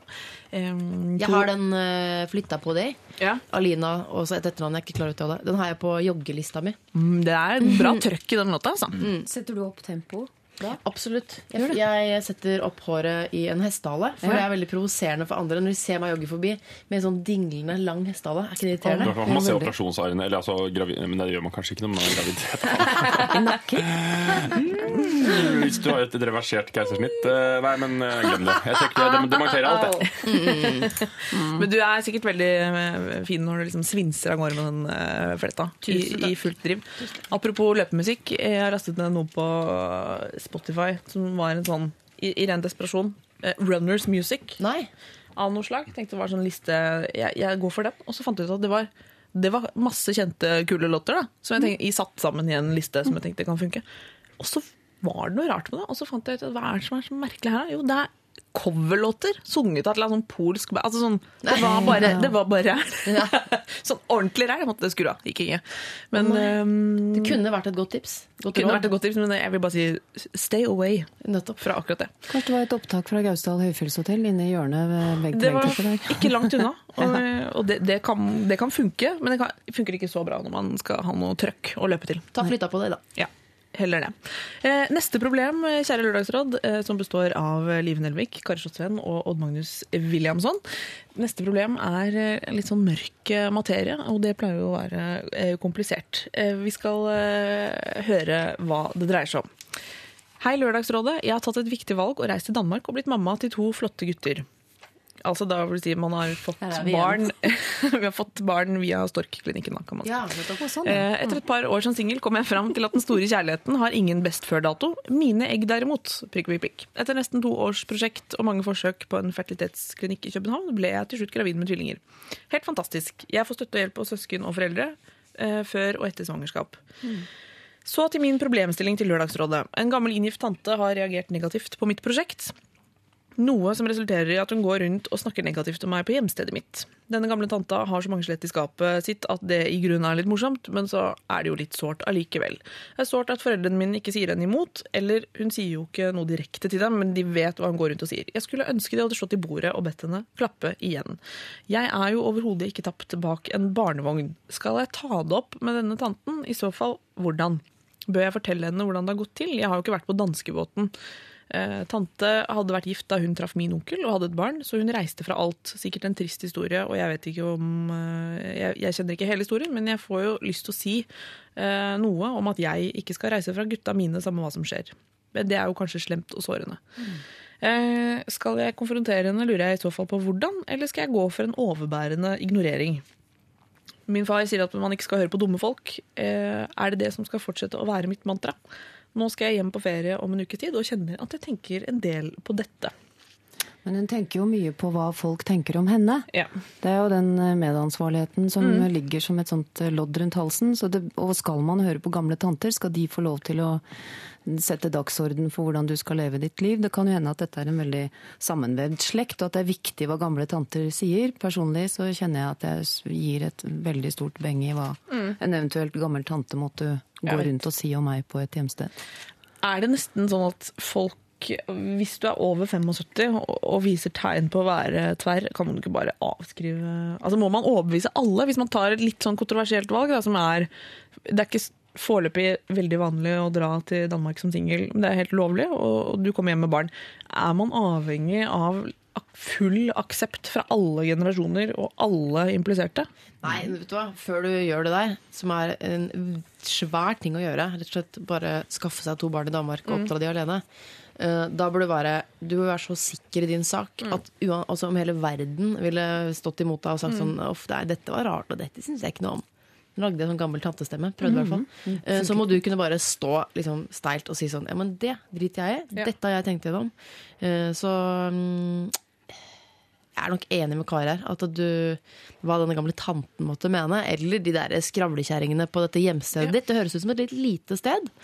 Eh, Det, får bare, det kan ikke spille noen rolle for deg. Hun skal jo bare dit på ferie. Ja. Og så skal hun ha det bra med tvillingene sine, og så skal hun reise derfra igjen. Hun har forlatt dette stedet. Det er ikke viktig hva som sies om henne. Så kunne man jo tatt den andre varianten og tenke at av omsorg for denne tanten som kanskje føler seg fremmedgjort og bla, bla, og, og, og utenfor og har en sorg i forhold til det som har skjedd henne selv, og dermed hevner hun seg fordi det er en del av automatikken i det å være et litt skrullete menneske. Så, så kunne man ha snakket med henne, men det tror jeg ikke jeg hadde gjort. Det hadde jeg ikke orket. Det er så mange andre ting Nei, å drive med. Hun har, ikke. Hun, har, hun har små barn, hun har masse å gjøre og mye å styre med og Mm. har tatt et svært valg. Den tanten tror jeg skal få lov å styre seg selv. Ja. Først, tenker ja, nei, først tenker jeg et, eh, et motiv en motivasjonsquote eh, til deg er eh, som Bergman sa. 'Lat dem prate skit, det betyr bare at man er populær. Ja. Men uh, det jeg syns er at uh, at uh, jeg syns at det her skal sies fra om, jeg. Fordi det er, um, det er uakseptabelt at hun skal få lov til å gå rundt og svartmale det ene og det andre, med mindre hun er uh, ordentlig gal i hodet. Og det høres ikke ut som hun er ordentlig gal. Uh, Men det er ikke nødvendigvis din oppgave å si fra om det. Jeg tenker at det bør eh, da faren din, selv om han hevder at man ikke skal høre på idioter, så ville jo jeg tenkt som far i det tilfellet her at hvis jeg hadde en datter og jeg opplevde at noen i slekten gikk rundt og sa et eller annet stygt om henne, så ville jeg tatt eh, affære og, og sagt ifra klart og tydelig at det her er ikke akseptabelt. Og hvis du skal gå rundt og ha den holdningen der overfor eh, min datter, så kan ikke vi ha et forhold til deg. Så nå må du velge. Um, Ja, du er og vært såpass eh, hard på det. altså, For det er helt uakseptabelt at hun skal få lov til å gå rundt og legge seg opp i det ene eller andre bare for å ha en god prat. Men det er det vi sier der, at hun kan Hun kan la være å ta et oppgjør med denne gamle tanta. Det er kanskje ikke noe hun skal bry seg om, men jeg er helt enig i at faren hennes kunne gjøre det. Særlig hvis det er hans søster, f.eks. Ja. Det er gudmoren, en inngiftet tante. Hennes Ja. gudmor. Ja. Da, skjønner. Inngiftet? Det er mye å samle på. Men dette er litt på siden, men allikevel eh, på ballen. eh, For jeg har opplevd noen ganger i forhold til sånn eh, litt sånn uønsket oppmerksomhet som kjendis, i forhold til sånn, litt sånn stalker-aktivitet og folk som maser og ringer. Og så sier man kanskje fra på en hyggelig måte at uh, slutt. Og når det ikke respekteres, så er det et veldig effektivt virkemiddel å kontakte foreldrene deres. Og det mener jeg at man skal gjøre generelt også. Eh, I det tilfellet her, altså din tante Jeg vet, jeg vet ikke om hennes mor, altså din bestemor eller hva det er for noe, lever enda. Men det å få foreldre til å si fra, uansett alder, om du er 20, 30, 40 eller 50, når foreldrene dine kommer og gir deg beskjed, så blir du ti år igjen.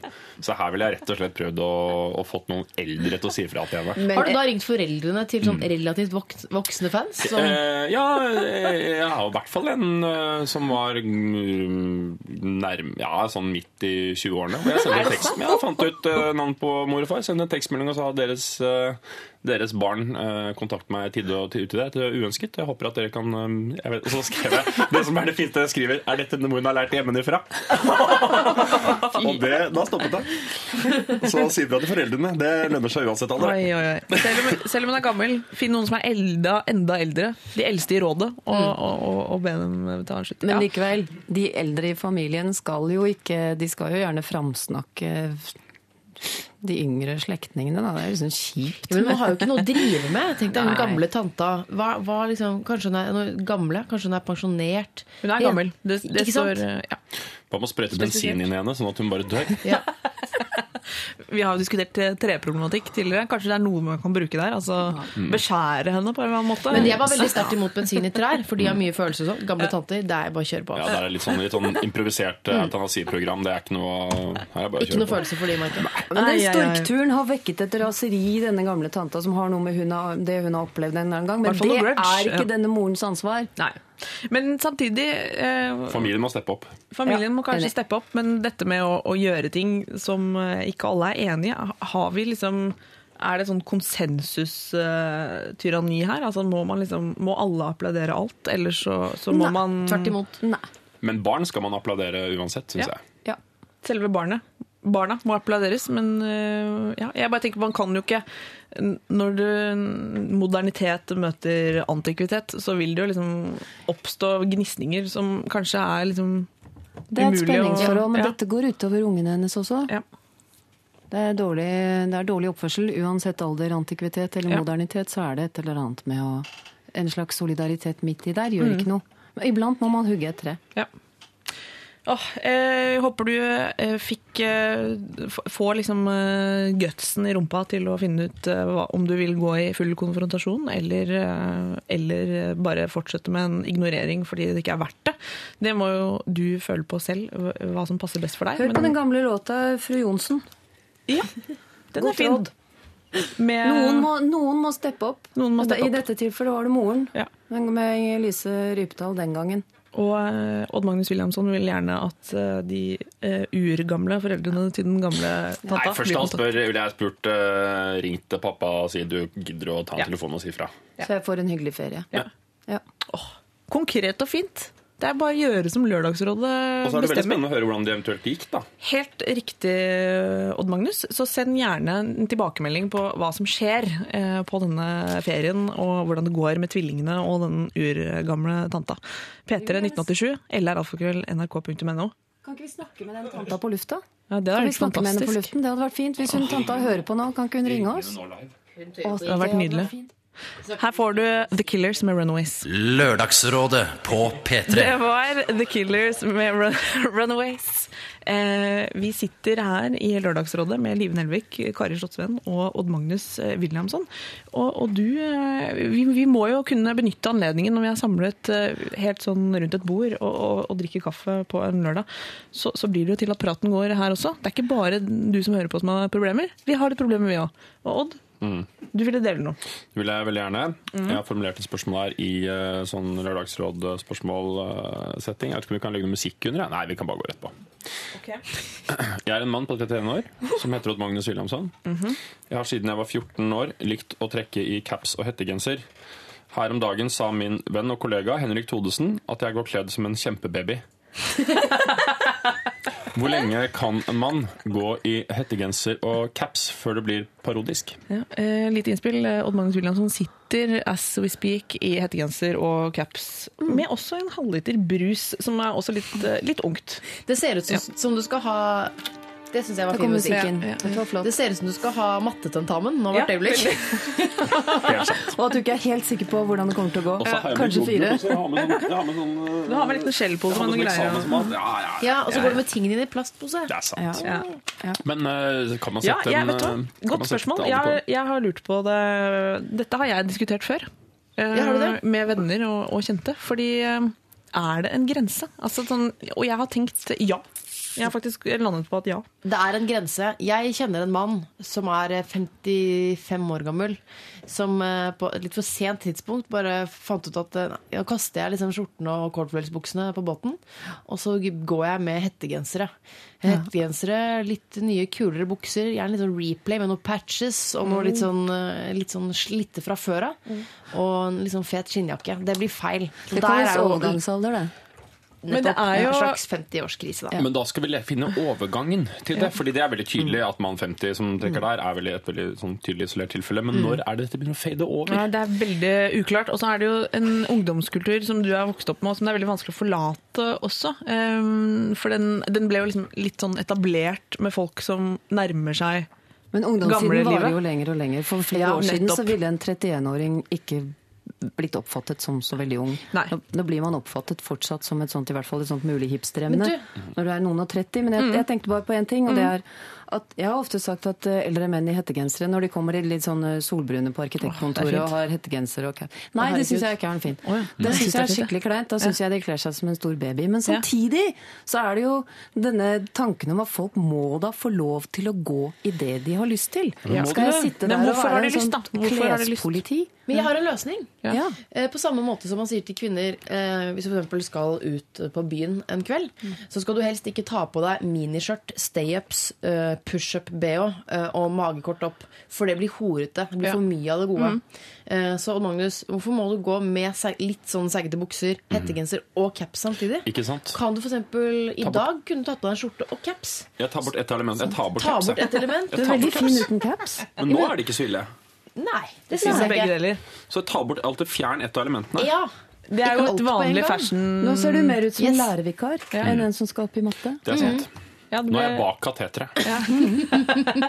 Men er det sånn at er eh, Er det sånn at også, også gutter eh, kjenner på liksom, noe de har lyst til å holde på Altså Kan dere føle at dere, liksom, at dere ikke har lyst til å kle dere for voksent? For det er sånn jenter tenker litt på. At sånn, nei, gud, kan ikke bli helt kjerring ennå. Ja. Men så er det den balansegangen da, som, som vi opererer i, som er sånn ikke for utfordrende, ikke for tacky når du liksom har bikka et eller annet. Men er det liksom Er, er, gutt, er hettegenser og caps guttenes uh, miniskjørt? Yeah. In, jo, men uh, det er jo, går litt på dagsform. yeah. Og så er det jo litt when in Rome også. Ja. I, Absolutt. jeg tenker jo at i P3s lokaler er det decent å trekke igjen uh, skatecaps. Ja. Mens øh, jeg helt, Men det er, det, egentlig så var jeg interessert i å finne akkurat når selv om det er vanskelig og folk er forskjellige, så er det sånn Det føles Ja, det er en et eller annet med sånn 31 er 32, Ja, 33, jeg lurer- så begynner vi å ha et eller annet sånn caps og hettegenser. Nja, Westerdals-uniformen må liksom kanskje gå Men er Henrik Thodesen Altså. et forbilde, da? Nei, Men Henrik for meg er han et forbilde. Jeg bryr meg om hva han sier fordi han er en kamerat. Ja. Men han veksler jo. Altså Han kan komme snikende i hettegenser, og, og han kan komme i akkurat det samme, men han varierer mye mer, da. Ja. Men at det gjelder jo så mange ting, dette her. Er F.eks. på stranden. Når er det man som 30-åring oppi der skal slutte med å ha disse badebuksene som slutter ned på leggene, som er sånne hiphop-badebukser? Mm. Skal du gå til speedo fordi du har tippa 50 på en måte? Nei, men det er mellomting. Er det ikke mellomting? Jo, det er mellom Fjerne lite grann, bare. Ja, ja. Du Ikke hadde en alt. kjempefin badebukse her forrige dagen, Odd Magnus. Ja. Hvorfor så du den, Live Nelvik? Ja, det lurer vi på. Vi var på samme brygge. Mm. Eh, vi, vi bader sammen i ny og ne. Ja. Høres hyggelig ut. Og den var, nei, den var råstille. Det var en mellomting mellom uh, ja, badebukse Den kan du fortsette med. altså, med Ja. Jeg kan fortsette med. Men kan vi da konkludere på en eller annen måte med at når man bikker 30, må man fjerne ett av elementene, og at det gjelder for begge kjønn? Altså du er sånn der, Som kvinne så må du da kanskje ta bort ett av, ett av ungdomselementene må bort. Og så kan man kanskje si at når man da nærmer seg 35 igjen, så må ett element til bort. Jeg er enig. Og så 40, så må det siste elementet bort. Jeg er faktisk Eller helt, må, du, må. det er en kjempeplan. Sånn Jeg, jeg er helt enig. det er like, det er like kjerring å tviholde på, på miniskjørtet til langt Ja, ut er det. Ja, ja. ikke sant? Ja, ja, ja. Nei, jeg vet Jeg, jeg Men man må syns det sakte over i alderdommen. Altså. Her skal det liksom gå. Jeg syns det er litt sånn kleint med menn på 45 år som har sånn veldig små barn, og så skal lære dem å skate, og så har de liksom akkurat på seg skateklær, de også. Er ikke det litt sånn rart, da? Jo, det er det for så på vidt. og så tar jeg av hettegenseren, bare sånn at alle er klar over det. Men Jon er Almaas. Jon Almaas han forsov seg til P3 Morgen en gang Ja. eh, da han skulle hit. Og han kom liksom trekkende i joggebukse og Yankees-caps. Og var like tøff. Det var ganske Det var flott. Altså ikke Jeg brukte ikke sexordet, men det var det sånn. nære. Ja, Mm. ja. Men Jon Almås kan jo gå Han kan gå i miniskjørt. i miniskjørt for min Ja. del. Men bare liten, bitte liten ting med det der med miniskjørt. Ja. Fordi eh, gå gjerne i det, og bare topp og ikke noe klær og gå ut på byen og sånn, men gå med joggesko. Ja. Dress down. Ja, bare der. Bare ha på Ja. flate sko, sånn at du kan stikke av. Eh, sitter du og hører nå og tenker at åh, det var Style Patrol på P3 som var veldig gode da? Så eh, ja, men det, er- det er greit. Det send inn hvis det er flere ting dere lurer på sånn klesmessig. Se på Odd Magnus nå. Skjorte og tatoveringer som stikker ut Odd under Magnus T-skjorta. kaster altså plagg etter plagg her nå Og en bolle fra Skjell og, og skyggelue. Kult. Men det går bedre. Ja, dette er helt i orden. Men jeg liker at vi spinner fra fertilitetsklinikk til liksom litt sånn pret-à-port. Ja. Er ikke det liksom Lørdagsrådet ganske godt oppsummert? Kle deg casual. Ja, gjør for all del. Eh, vi skal legge ut bilder vi, av eh, hvordan Odd kler seg. Eh, det gjør vi. Vi legger det ut på Facebook, på, på siden vår der. Eh, Lørdagsrådet på Facebook. Så kan dere se selv. Gi en tommel opp eh, hvis dere syns det er eh, bra, bra elementer som jobber sammen. Det er tatovert hud møter eh, eh, en casual T-skjorte og en Rosinbolle. Ja, og rosinbolle og, og halvliter med Cola Zero. Veldig dårlig inntrykk å komme med sånn God morgen-yoghurt i skjellpose. Er Sier du Odd, eller sier du Odd Magnus? Jeg sier Odd, Odd Magnus og Odda. Hvis For Odd. Magnus med hettegenser og skyggelue, det, det er yngre på en måte. Mens Odd med bare skyggelue, det er litt mer eh, Odd med skyggelue. Odda med skyggelue, det er ungt. Det er for mye. Klikk dere inn på Facebook og, og se. Eh, her får dere Og han er ung, da. Ung og deilig, men gammel mann. Han er eh, popmusikkens eh, eh, evige unge. Lenny Kravitz. It ain't over till it's over. Lørdagsrådet på P3. Baby, it ain't over till it's over. Det var popverdens eh, svar på Johnny Depp, altså evig-unge og evigkjekke Lenny Kravitz. Det er det etternavnet Kravitz, har du tenkt over det? Ja, det er nesten litt sånn Kravitz. Kravitz, ja. Kravitz. Dracul. Ja. Eh, Kjekkeren og, og den låta OK talentfull, veldig pen. Kommer langt med det, da. Dette var kanskje hans sterkeste låt. Um, Norgesvenn nå. Er han det òg? Nei, nei, men alle som, er, alle, alle som er innom eh, festivaler i Norge, blir jo norgesvenn før de har fått sagt snap. Det er sant, det. Mm, Venner av Norge. Med UB40, som spilte på Rockefeller i fjor. Det er mange gode norgesvenner der ute. da. Ja, Jeg føler egentlig ja. at premisset er at du må få en lusekofte. Da er du norgesvenn. Ja da. Um, nei. Det har vært deilig. Ja, Norgesvinner. Norges, altså sånn type Norgesfin, Norgesfiendende Metallica. Eh. Som nekta liksom vennestempelet. Ja. Det fins sikkert. Eh, Lørdagsrådet består i dag av eh, Kari Slottsvenn, eh, Live Nelvik og Odd Magnus Williamson. Eh, vi har snakket om diverse saker. Har dere nok koffein, sukker, eventuelt andre stimuli i kroppen nå til å gå videre? Ja da. Ja, tror jeg. Odd Magnus sitter og rører sammen en liten god morgen. Ja. Vi har snakket om at Odd Magnus har kledd seg for mattetentamen på ungdomsskolen med, med hettegenser, caps og en halvliter Cola Zero Og god morgen-yoghurt. og god morgen yoghurt i en skjellpose. Det er bra. Vi er fortsatt ungdomskanalen P3. Vi skal eh, holde litt på den følelsen, Odd. Det passer veldig godt til neste problem. Eh, Jeg leser som følger. Hei, Lørdagsrådet. Jeg jobber i barnehage og har en kollega som røyker veldig mye hasj. Jeg syns ikke det er greit å jobbe med små barn samtidig som man bruker et ulovlig narkotisk stoff. Han møter opp og gjør en god jobb og har godt likt alle. Hva, hva gjør jeg? Skal jeg si fra til ledelsen, eller skal jeg bare la det ligge? Hilsen Ina. Eh, sier fra til ledelsen.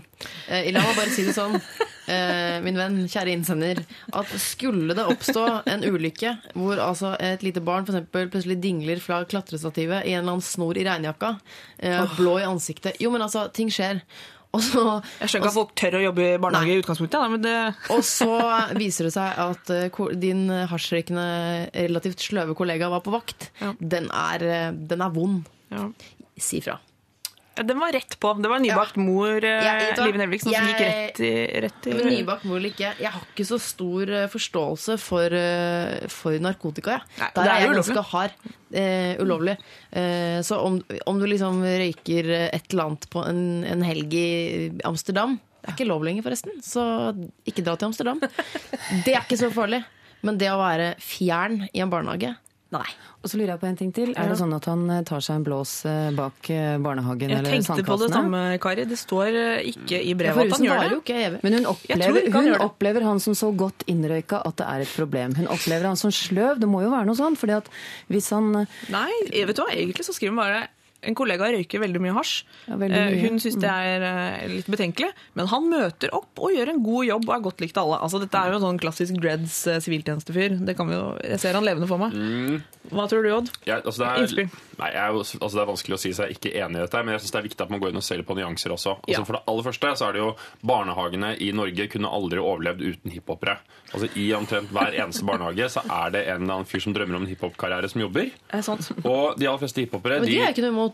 Nei, men mange hiphopere uh, røyker, uh, røyker hasj nå og da. Ja. Men jeg syns det er viktig at man går inn og ser på litt bruk her. Altså det er klart at Hvis han røyker da, røyker på morgenen før han skal på jobb og er preget av det i arbeidsdagen, så, er det, så går jo det under ruset på arbeidsplassen. Ja. Men hvis du vet at dette er en type som drar hjem og kanskje røyker litt på kvelden eller helgen, eller så lenge han gjør en god jobb, så er det sånn da så kanskje at man skal snakke bare med han direkte. I hvert fall ikke til en sånn, ikke gå direkte til ledelsen og si han røyker hasj. Ja, for det er jo et tredje alternativ her, å, å, å spørre den det gjelder. Altså ikke gå rett til ledelsen, men gå rett til han. Men der mangler det så mange opplysninger. Jeg vil Ja, gjerne vite eh, Røyker han på jobb? Kommer han sløv? Virker han sløv? Er det brunt eller Eh, grønt, eller hva? Jo, men seriøst, det er egentlig- forskjellige virkninger av de to. Og, og dessuten så er jeg helt enig med Odd. Be- Si fra til han. Eh, Si at hvis, hvis det, dette opplever jeg som et problem. Dette opplever jeg. Ikke er mer, ikke mer sjiraff nå. jeg er usikker på deg fordi du er så innrøyka. Har, hvis det er sånn at han har, han har en rev for alt mulig Nå er det huskerev, og nå er det sandkasserev, og nå er det barnehagerev, og nå er det onsdagsrev, nå er det torsdagsrev. Nå skal vi ut på byen-rev, nå er det liksom depperev, nå er det middagsrev. Nå er det noen av dem òg som har en unnskyldning for tror på det når du sier det. hva som helst. ikke sant? Det er jo sånn trøstevin og det. Hurra feirevin. Det finnes alltid en grunn til å Det ruse sant. seg. Og man kan jo alltid sammenligne Det er et problem. det. Ja, man da kan har han jo- ingenting i en barnehage å gjøre. Vekk med han. Nei. Men idet du tar det opp, jeg må jo bare si at i det du er den som konfronterer han med dette, du blir jo en døve. Ja, det blir det. Men det er Unnskyld, unnskyld, men men, røyker signalen- du rev? Men i det, da gjør du, i hvert fall en- sender en sign, du sender et signal hvor du sier 'jeg er klar over at du røyker'. Og det jeg lurer på omfanget av dette her Antakeligvis vil han jo lyve uansett og si 'nei, nei, jeg røyker bare annenhver helg på fester og, på fester og helgene'. Men si i hvert fall ifra til han og ta det opp og si at du er øh, Ja, si ifra. Og så hvis du merker Hvis du merker at han er sløv, ekstra sløv en dag, så Er er det det ikke jo sånn at det lukter, Hvis du røyker veldig mye hasj, så lukter det jo litt sånn hasj? Det er en spesiell Jeg, lukt. jeg da. aner ikke. Jeg aner, Er det sånn at det lukter heroin av klærne også? Men du, sånn sett, jeg må jo si at det er kanskje det verste barnehagedopet, altså bortsett fra heroin, som er veldig sløvende. Cloud9 altså, er ikke noe kult. Ikke Ikke- Cloud9. nei, men altså, du blir jo veldig, veldig sløv av uh, hasjgreiene. Ja. Så må jo kokain sånn sett være bedre, for da er det jævlig på. Oppe, liksom. Og Nå blir du veldig aggressiv utenfor på barna hvis de um, slår seg vrange. Ja. Hvis, hvis han er en sikkerhetsrisiko, så må du jo si til han at uh, du, det er ikke bra. Ja. Dette her er ikke bra. Og hvis, hvis det fortsetter, hvis, så må jeg si fra. Er det det du har lyst til? Har du lyst til å miste jobben din? Dette Det er er, ikke fint i det hele tatt. Ja. For det er jo nulltol- det, det Ina kan være helt sikker på, er at ledelsen kjører nulltoleranse på, på hasjisj. For det gjør alle arbeidsplasser. Jeg syns ikke du skal si det sånn. Jeg vet at du, jeg vet at du røyker hasjisj. Er ikke det på med da? Å gå og si 'jeg opplever at du iblant er um, at det iblant, at iblant virker som om du er rusa, og det er- håper jeg du skjønner at det kan ikke akseptere. Hvis jeg, hvis jeg merker det en gang til, så kommer jeg til å si fra. Ja, det, vet du hva, det, det der er ikke feil å gjøre. Og da skal man være ganske rask, for ja. livet har helt rett. Ja. Det er, Det de har ansvaret for små unger. Jeg har ungene mine i denne barnehagen. Jeg må være helt sikker på at de, har det så godt som de kan ha det. Og jeg må være sikker på at dere er voksne, dere som jobber her. Nei, nå blir jeg kvalm. Ungen min skal i barnehage om et halvt år. Ja, ja. Ja. Tenk deg, så Ina, står han der og røyker Da må han være ute. og begynner å sende den rundt og sånn. Det er Nei, ikke men bra. han, han er ute da. Han er ute. Da har han mixtapen hans har blitt plukka opp på Pitchfork, og han har fått seg karriere ved Vestkysten, så det er um... Han har lista på P3, han. Han har fått jobb i en sånn byggekran. Ja, ja. Nei, jeg personlig kan ikke sitte her og late som jeg er kjemperaus. Jeg er mot narkotika, og er jo nesten mot småbarn også, så jeg føler det må være greit. Så mot det her- narkotika og barn, men ja, ikke Wesselholt. mot det meste, egentlig. Ina, du har en jobb å gjøre, men du kan snakke med han det gjelder helt, helt først. Og så, hvis det ikke blir noe bedring, så er det Si fra. Si fra. Whistleblower. Oi, oi, oi. Ehm, apropos, eh, her kommer eh, Admiral P eh, med låta 'Kallenavn'. Hvem vet, kanskje han har jobba i barnehage en gang? Helt sikkert. Ja. Håper jeg. Lørdagsrådet på P3. Admiral P var det, med kallenavn. Ehm, Det skal handle om eh, gjester og fester, som det heter eh, i Se og Hør. Eh, Men dette skal ikke handle om det, altså. Men det skal handle om hvor inni gamperumpa mye som må stelles i stand før man sier ja til hverandre hvis man har bestemt seg for å gifte seg.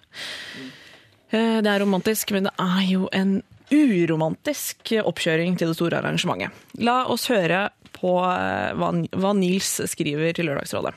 Hei dere, jeg har et praktisk dilemma. Skal ha stort gårdsbryllup i august, samtidig som jeg driver og bygger en hytte med halmhusmetode. Er derfor avhengig av fint vær. Eh, siden jeg er den mest handy av oss Altså mannen som skriver inn. Eh, der tror jeg han er litt grei. Altså at han, han er den mest handy. Det er åpenbart. Han er den Men vi er handy. på P3. Vi er på P3. kan, er det lov å si snikskryting allerede, eller? Ja, halmhusmetodene. Ja, men for faen. Okay, ok, unnskyld. Ja, det fortsetter, skjønner du. Han er avhengig av fint vær. Eh, og det blir jeg som må gjøre alle de praktiske greiene til bryllupet. Parentes, snekre gulv og bord til teltene og sånt. Mens jeg egentlig vil holde framdriften oppe på Halmhushytta. Eh, ikke minst siden hytta bygges ut på samme gård som bryllupet vil stå, og det hadde vært pinlig om det ser helt elendig og stagnert ut der. Eh, ikke minst er vi nyinnflyttet i huset vårt, og det er tusen ting som burde vært fiksa. Lamper, vaskeservanter og slikt. Som bare jeg, og ikke min kommende, kommende kone, kan fikse. Eh, får ikke gjort alt, har ikke ferie, eh, så hva skal jeg gjøre? Hilsen Nils. Jeg har et tips. Ja. Hvor lenge er det til bryllupet? Eh, det er i august. I august. Da er det litt kort tid. Det burde du ha tenkt på før. Men hadde du tenkt på dette før, Ja, det inn, Ja. så hadde du så hadde dere ønsket dere i bryllupsgave dugnad fra folk. Det er sikkert snekkerkyndige folk rundt. Da kunne folk stilt opp, vært med og snekret i stand til bryllupet, mens han fortsatte på huset sitt. Ja. Og det hadde vært bryllupsgaven deres. Snekre sp- stoler og bord og skatoller og hjørnesenger og kantsenger og alt det som trengs til et gårdsbryllup. Ja, det, det, her her har han jo liksom gått inn i noe som virker veldig omfattende. Da. Må bryllup være så ekstremt omfattende? Jeg mener at han skal bygge flere boliger og snekre halmhusmetoder, og, og det skal være gulv og bord og vaskeservanter. Altså, herregud. Jeg skal jo gifte meg. Ja, er du i gang å Får jeg bygge ikke hus? Gratulerer! Ja, ja, ja, ja, ja, ja, ja. er du gæren, Det, det er ikke noe nytt, egentlig. Altså. Men eh, grunnen til Det skal egentlig skje neste sommer. Men jeg kjenner bare Jeg vet ikke om jeg orker å ta tak i den festen, liksom. For jeg, syns altså det er så mas. Eh, så jeg stemmer nesten bare for Nå er det altfor sent, så nå snakker jeg bare om meg sjæl her. Mm. Eh, men jeg stemmer for bare liksom Kan ikke bare gå ned på rådhuset og gjøre det. Eller dra til utlandet og gjøre det Ja. der. Eh, for det er altså så mye mas. Og det har jeg skjønt før jeg kom dit, hvor innsenderen er nå. Mm. Ja. Hvor det er halmhus og eh, eh, sånne platåer og bord, og alt skal snekke Vet du hva? Jeg blir, jeg blir kvalm. Har det tatt litt av det der, eller kan man ikke bare gifte seg? Kanskje det har tatt litt av noen steder. Men så er det det- nå må- gårdsbryllup, da. Men det hjelper jo ikke vår mann akkurat Nei, det er helt nå. sant. Vi Nei, plikter nei, til å nei. hjelpe ham. Ja. Vi kan ikke bare si Jeg skulle bare eh, snakke litt om meg selv. jeg. Ja, jeg skjønner. Nei, men Det går an å senke skuldrene for denne holdt jeg på å si, sinnasnekkeren også. Altså, han kan jo kanskje legge ned hammeren og si sånn OK, dette er et bryllup, vi skal gifte oss, det skal være litt hyggelig det her. Eh, halmhuset må vente, og i hvert fall vaskeservanter og lamper, og om, om gjestene syns det ser- er litt sånn Ingen kommer til å bry seg om det. Ingen bryr seg. Nei, men sånn, Jentene bryr seg ikke om Nei, gjestene bryr seg jo ikke om, om at altså, han er redd for at det skal se stagnert ut med, med Halmhushuset. Det er det første jeg ville tenkt. Bare så du vet det, innsender. Jeg har tenkt sånn, herregud, det er stagnert helt med den halvmyta der. Rundt omkring i hele verden lever folk under dyp økonomisk depresjon og Ja. begynner med en grunnmur, reiser et halvt hus, og så går det ti år før de kan fortsette på det. Ja, det og det sant. lever de med i full offentlighet. Man må kunne klare å komme seg gjennom luksusproblemet på en stor gård Ja. ved at det lille huset ikke er ferdig. Dra en presenning over, eller legge plankene litt pent. Ja. Eller gjør noe morsomt av det, eller, eller, eller si fra. Jeg er nemlig sånn at Hvis jeg får gjester over, og det liksom eh, står en eh, tallerken med smule på bordet, og de kommer inn og ser deg, så kan jeg nesten få sammenbrudd etterpå. For jeg er av den gamle skolen at det skal være strøkent, og så skal jeg ha noe å by på. Så for meg, at jeg skulle giftet meg med et sånt eh, halvferdig halmhus ved siden av, det hadde ikke gått. Nei. Jeg er litt enig med deg, Liv, men kan man prioritere vekk noe? Altså, Snekre nå de bordene og, og telt og, så, og plattinger og sånn, for gjestene skal jo De kommer. Halvhuset må vente. må man ikke låne bord eller leie inn Ja, bord? noe så det kan konsentrere seg om huset, og så Ja. Ja, Det er også et alternativ. Han må velge, da, i hvert fall. Ja, velge. Ok, Ja. Hva vil du si, Odd? nå Hva bør, han, hva bør han ha på seg? Odd? kommer han med en løsning. Jeg vet ikke om jeg har noen løsning, men du må lage en liste. Jeg tror at denne mannen her våkner opp hver eneste morgen klokka seks av hjertebank. Ja, virker Fordi han Ja. tenker på dette store, store store dyret som heter kaos og, og forventninger og sånn. Og så blir han en dårlig framtidig ektemann akkurat nå, fordi ko, din kone er vel mest opptatt av liksom Slanke seg, sikkert. Ja. ja, nå, må du, nå må du sette deg ned, og så må du lage en liste over alle de tingene som skal gjøres. Liste er veldig veldig beroligende. Lag en liste på alt det som skal til for å få dette her i, eh, i stand. Og så må du lage en pragmatisk tidsplan hvor du ser hva får jeg til, hva får jeg ikke til. Hva kan jeg ta bort? Altså Den som Dikken var inne på, det der med dette tregulvet der. Ja. Drit i det tregulvet. Sørg for at du har én do som funker. Det er greit. Sats på veldig mye brennevin, sats på god mat og provisoriske løsninger rundt.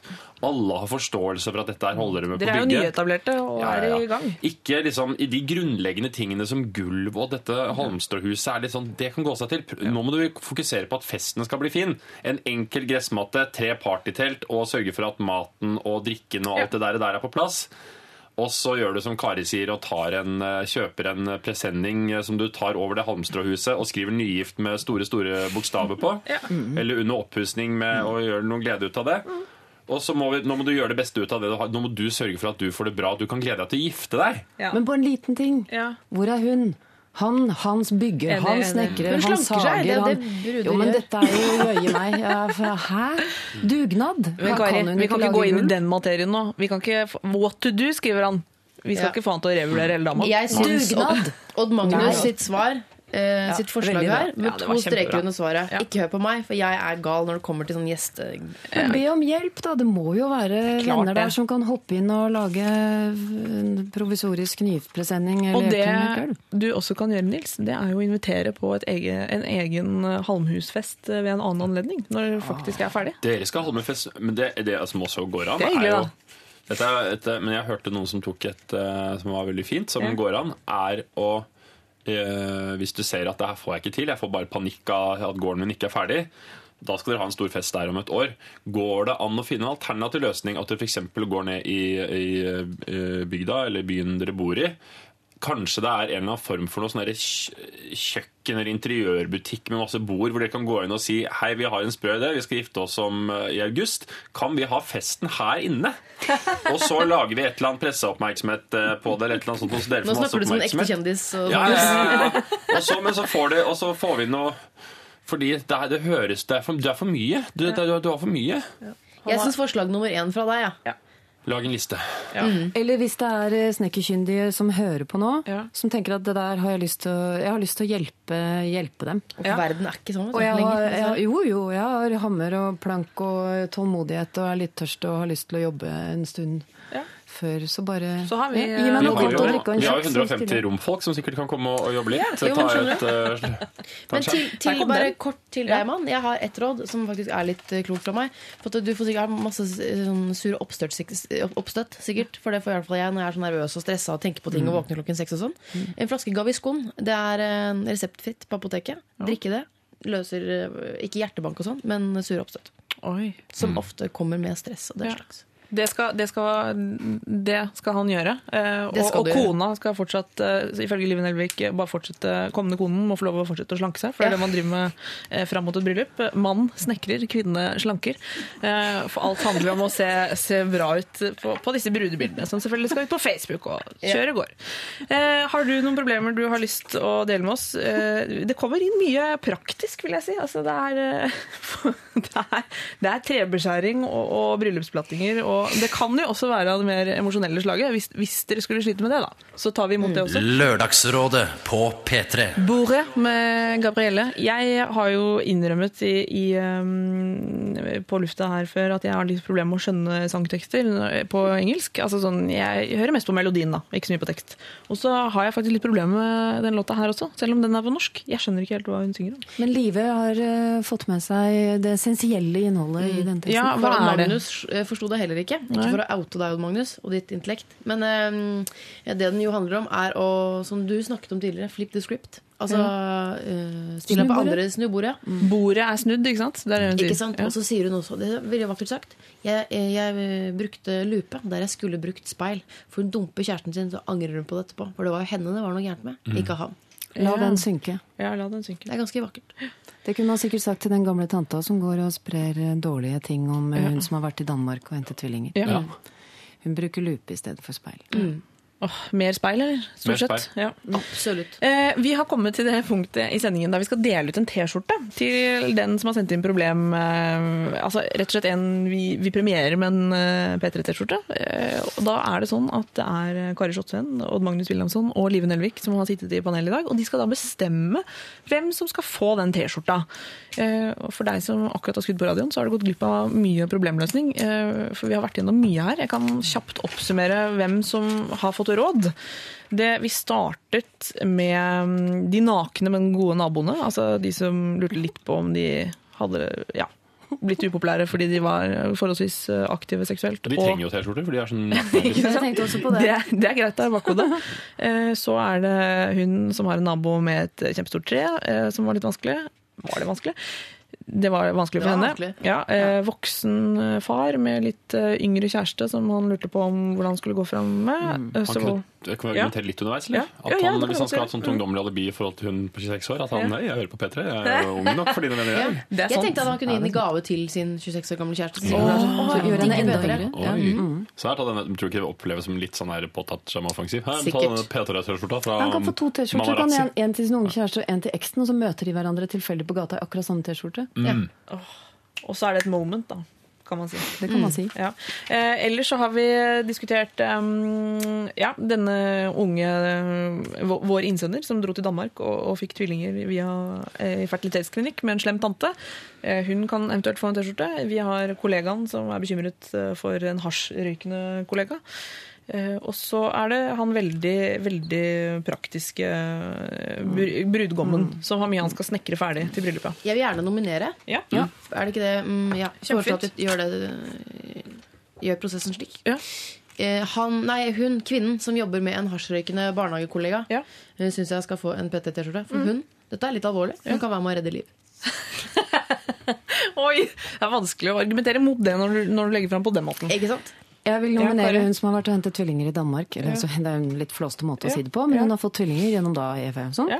Eh, storketur. Eh, og hvis hun har på seg en eh, P3-T-skjorte, så vil det være mulig at noen tenker at her har hun tatt opp et problem på lufta. Og hun er allikevel så på siden og utenfor alt og uglesett av den gamle tanta at en P3-skjorte bare vil gjøre ting verre, men gjøre henne sterkere. Ja. Jeg vil gjerne nominere den siste eh, bonden. Ja. eh, fordi han antageligvis kommer til å være så bevisst på dette eh, huset sitt og plattingen at han kommer til å glemme å kjøpe smoking. Ja. alt kommer til å være litt halvferdig, og da gjør det ikke om også brudehabitten også er litt sånn så som så. Og hvis han har på seg en P3-T-skjorte, så vil alle tilgi ham at han ikke har blitt ferdig med ting. Ja. Fordi han er jo bare en sånn bondehipster som ikke helt skjønner hvordan det er å være voksen. Åh, dette er jo kjempegode kandidater. Det er dere som skal bestemme.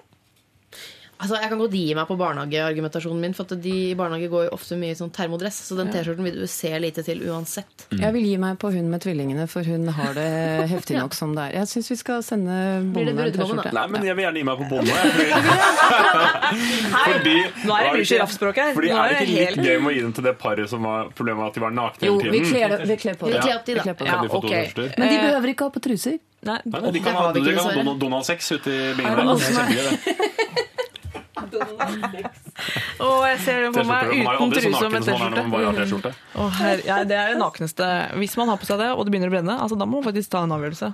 Vil jeg hoppe ut svømmeføtter, Eller sånn, også sånn sjakett. Sånn eh, smokingsjakett. Så er De kommer til å bli kjempefine. Ja, Jeg syns utfallet av denne T-skjortekonklusjonen var gøyalt. For Ja. vi endte opp et helt annet sted enn der vi startet. Det er helt riktig. Ja, det gjenspeiler på en måte livet også. Veien blir til mens vi går her. Absolutt. Mm. Absolutt. husk å bruke speil og ikke lupa, folkens. Takk for at dere hørte på. High I hvert five. fall hvis du har på T-skjorte og ikke noe truse. Ja, vi skal faktisk, eh, dere fine folk, eh, tusen takk for at dere har vært her i dag.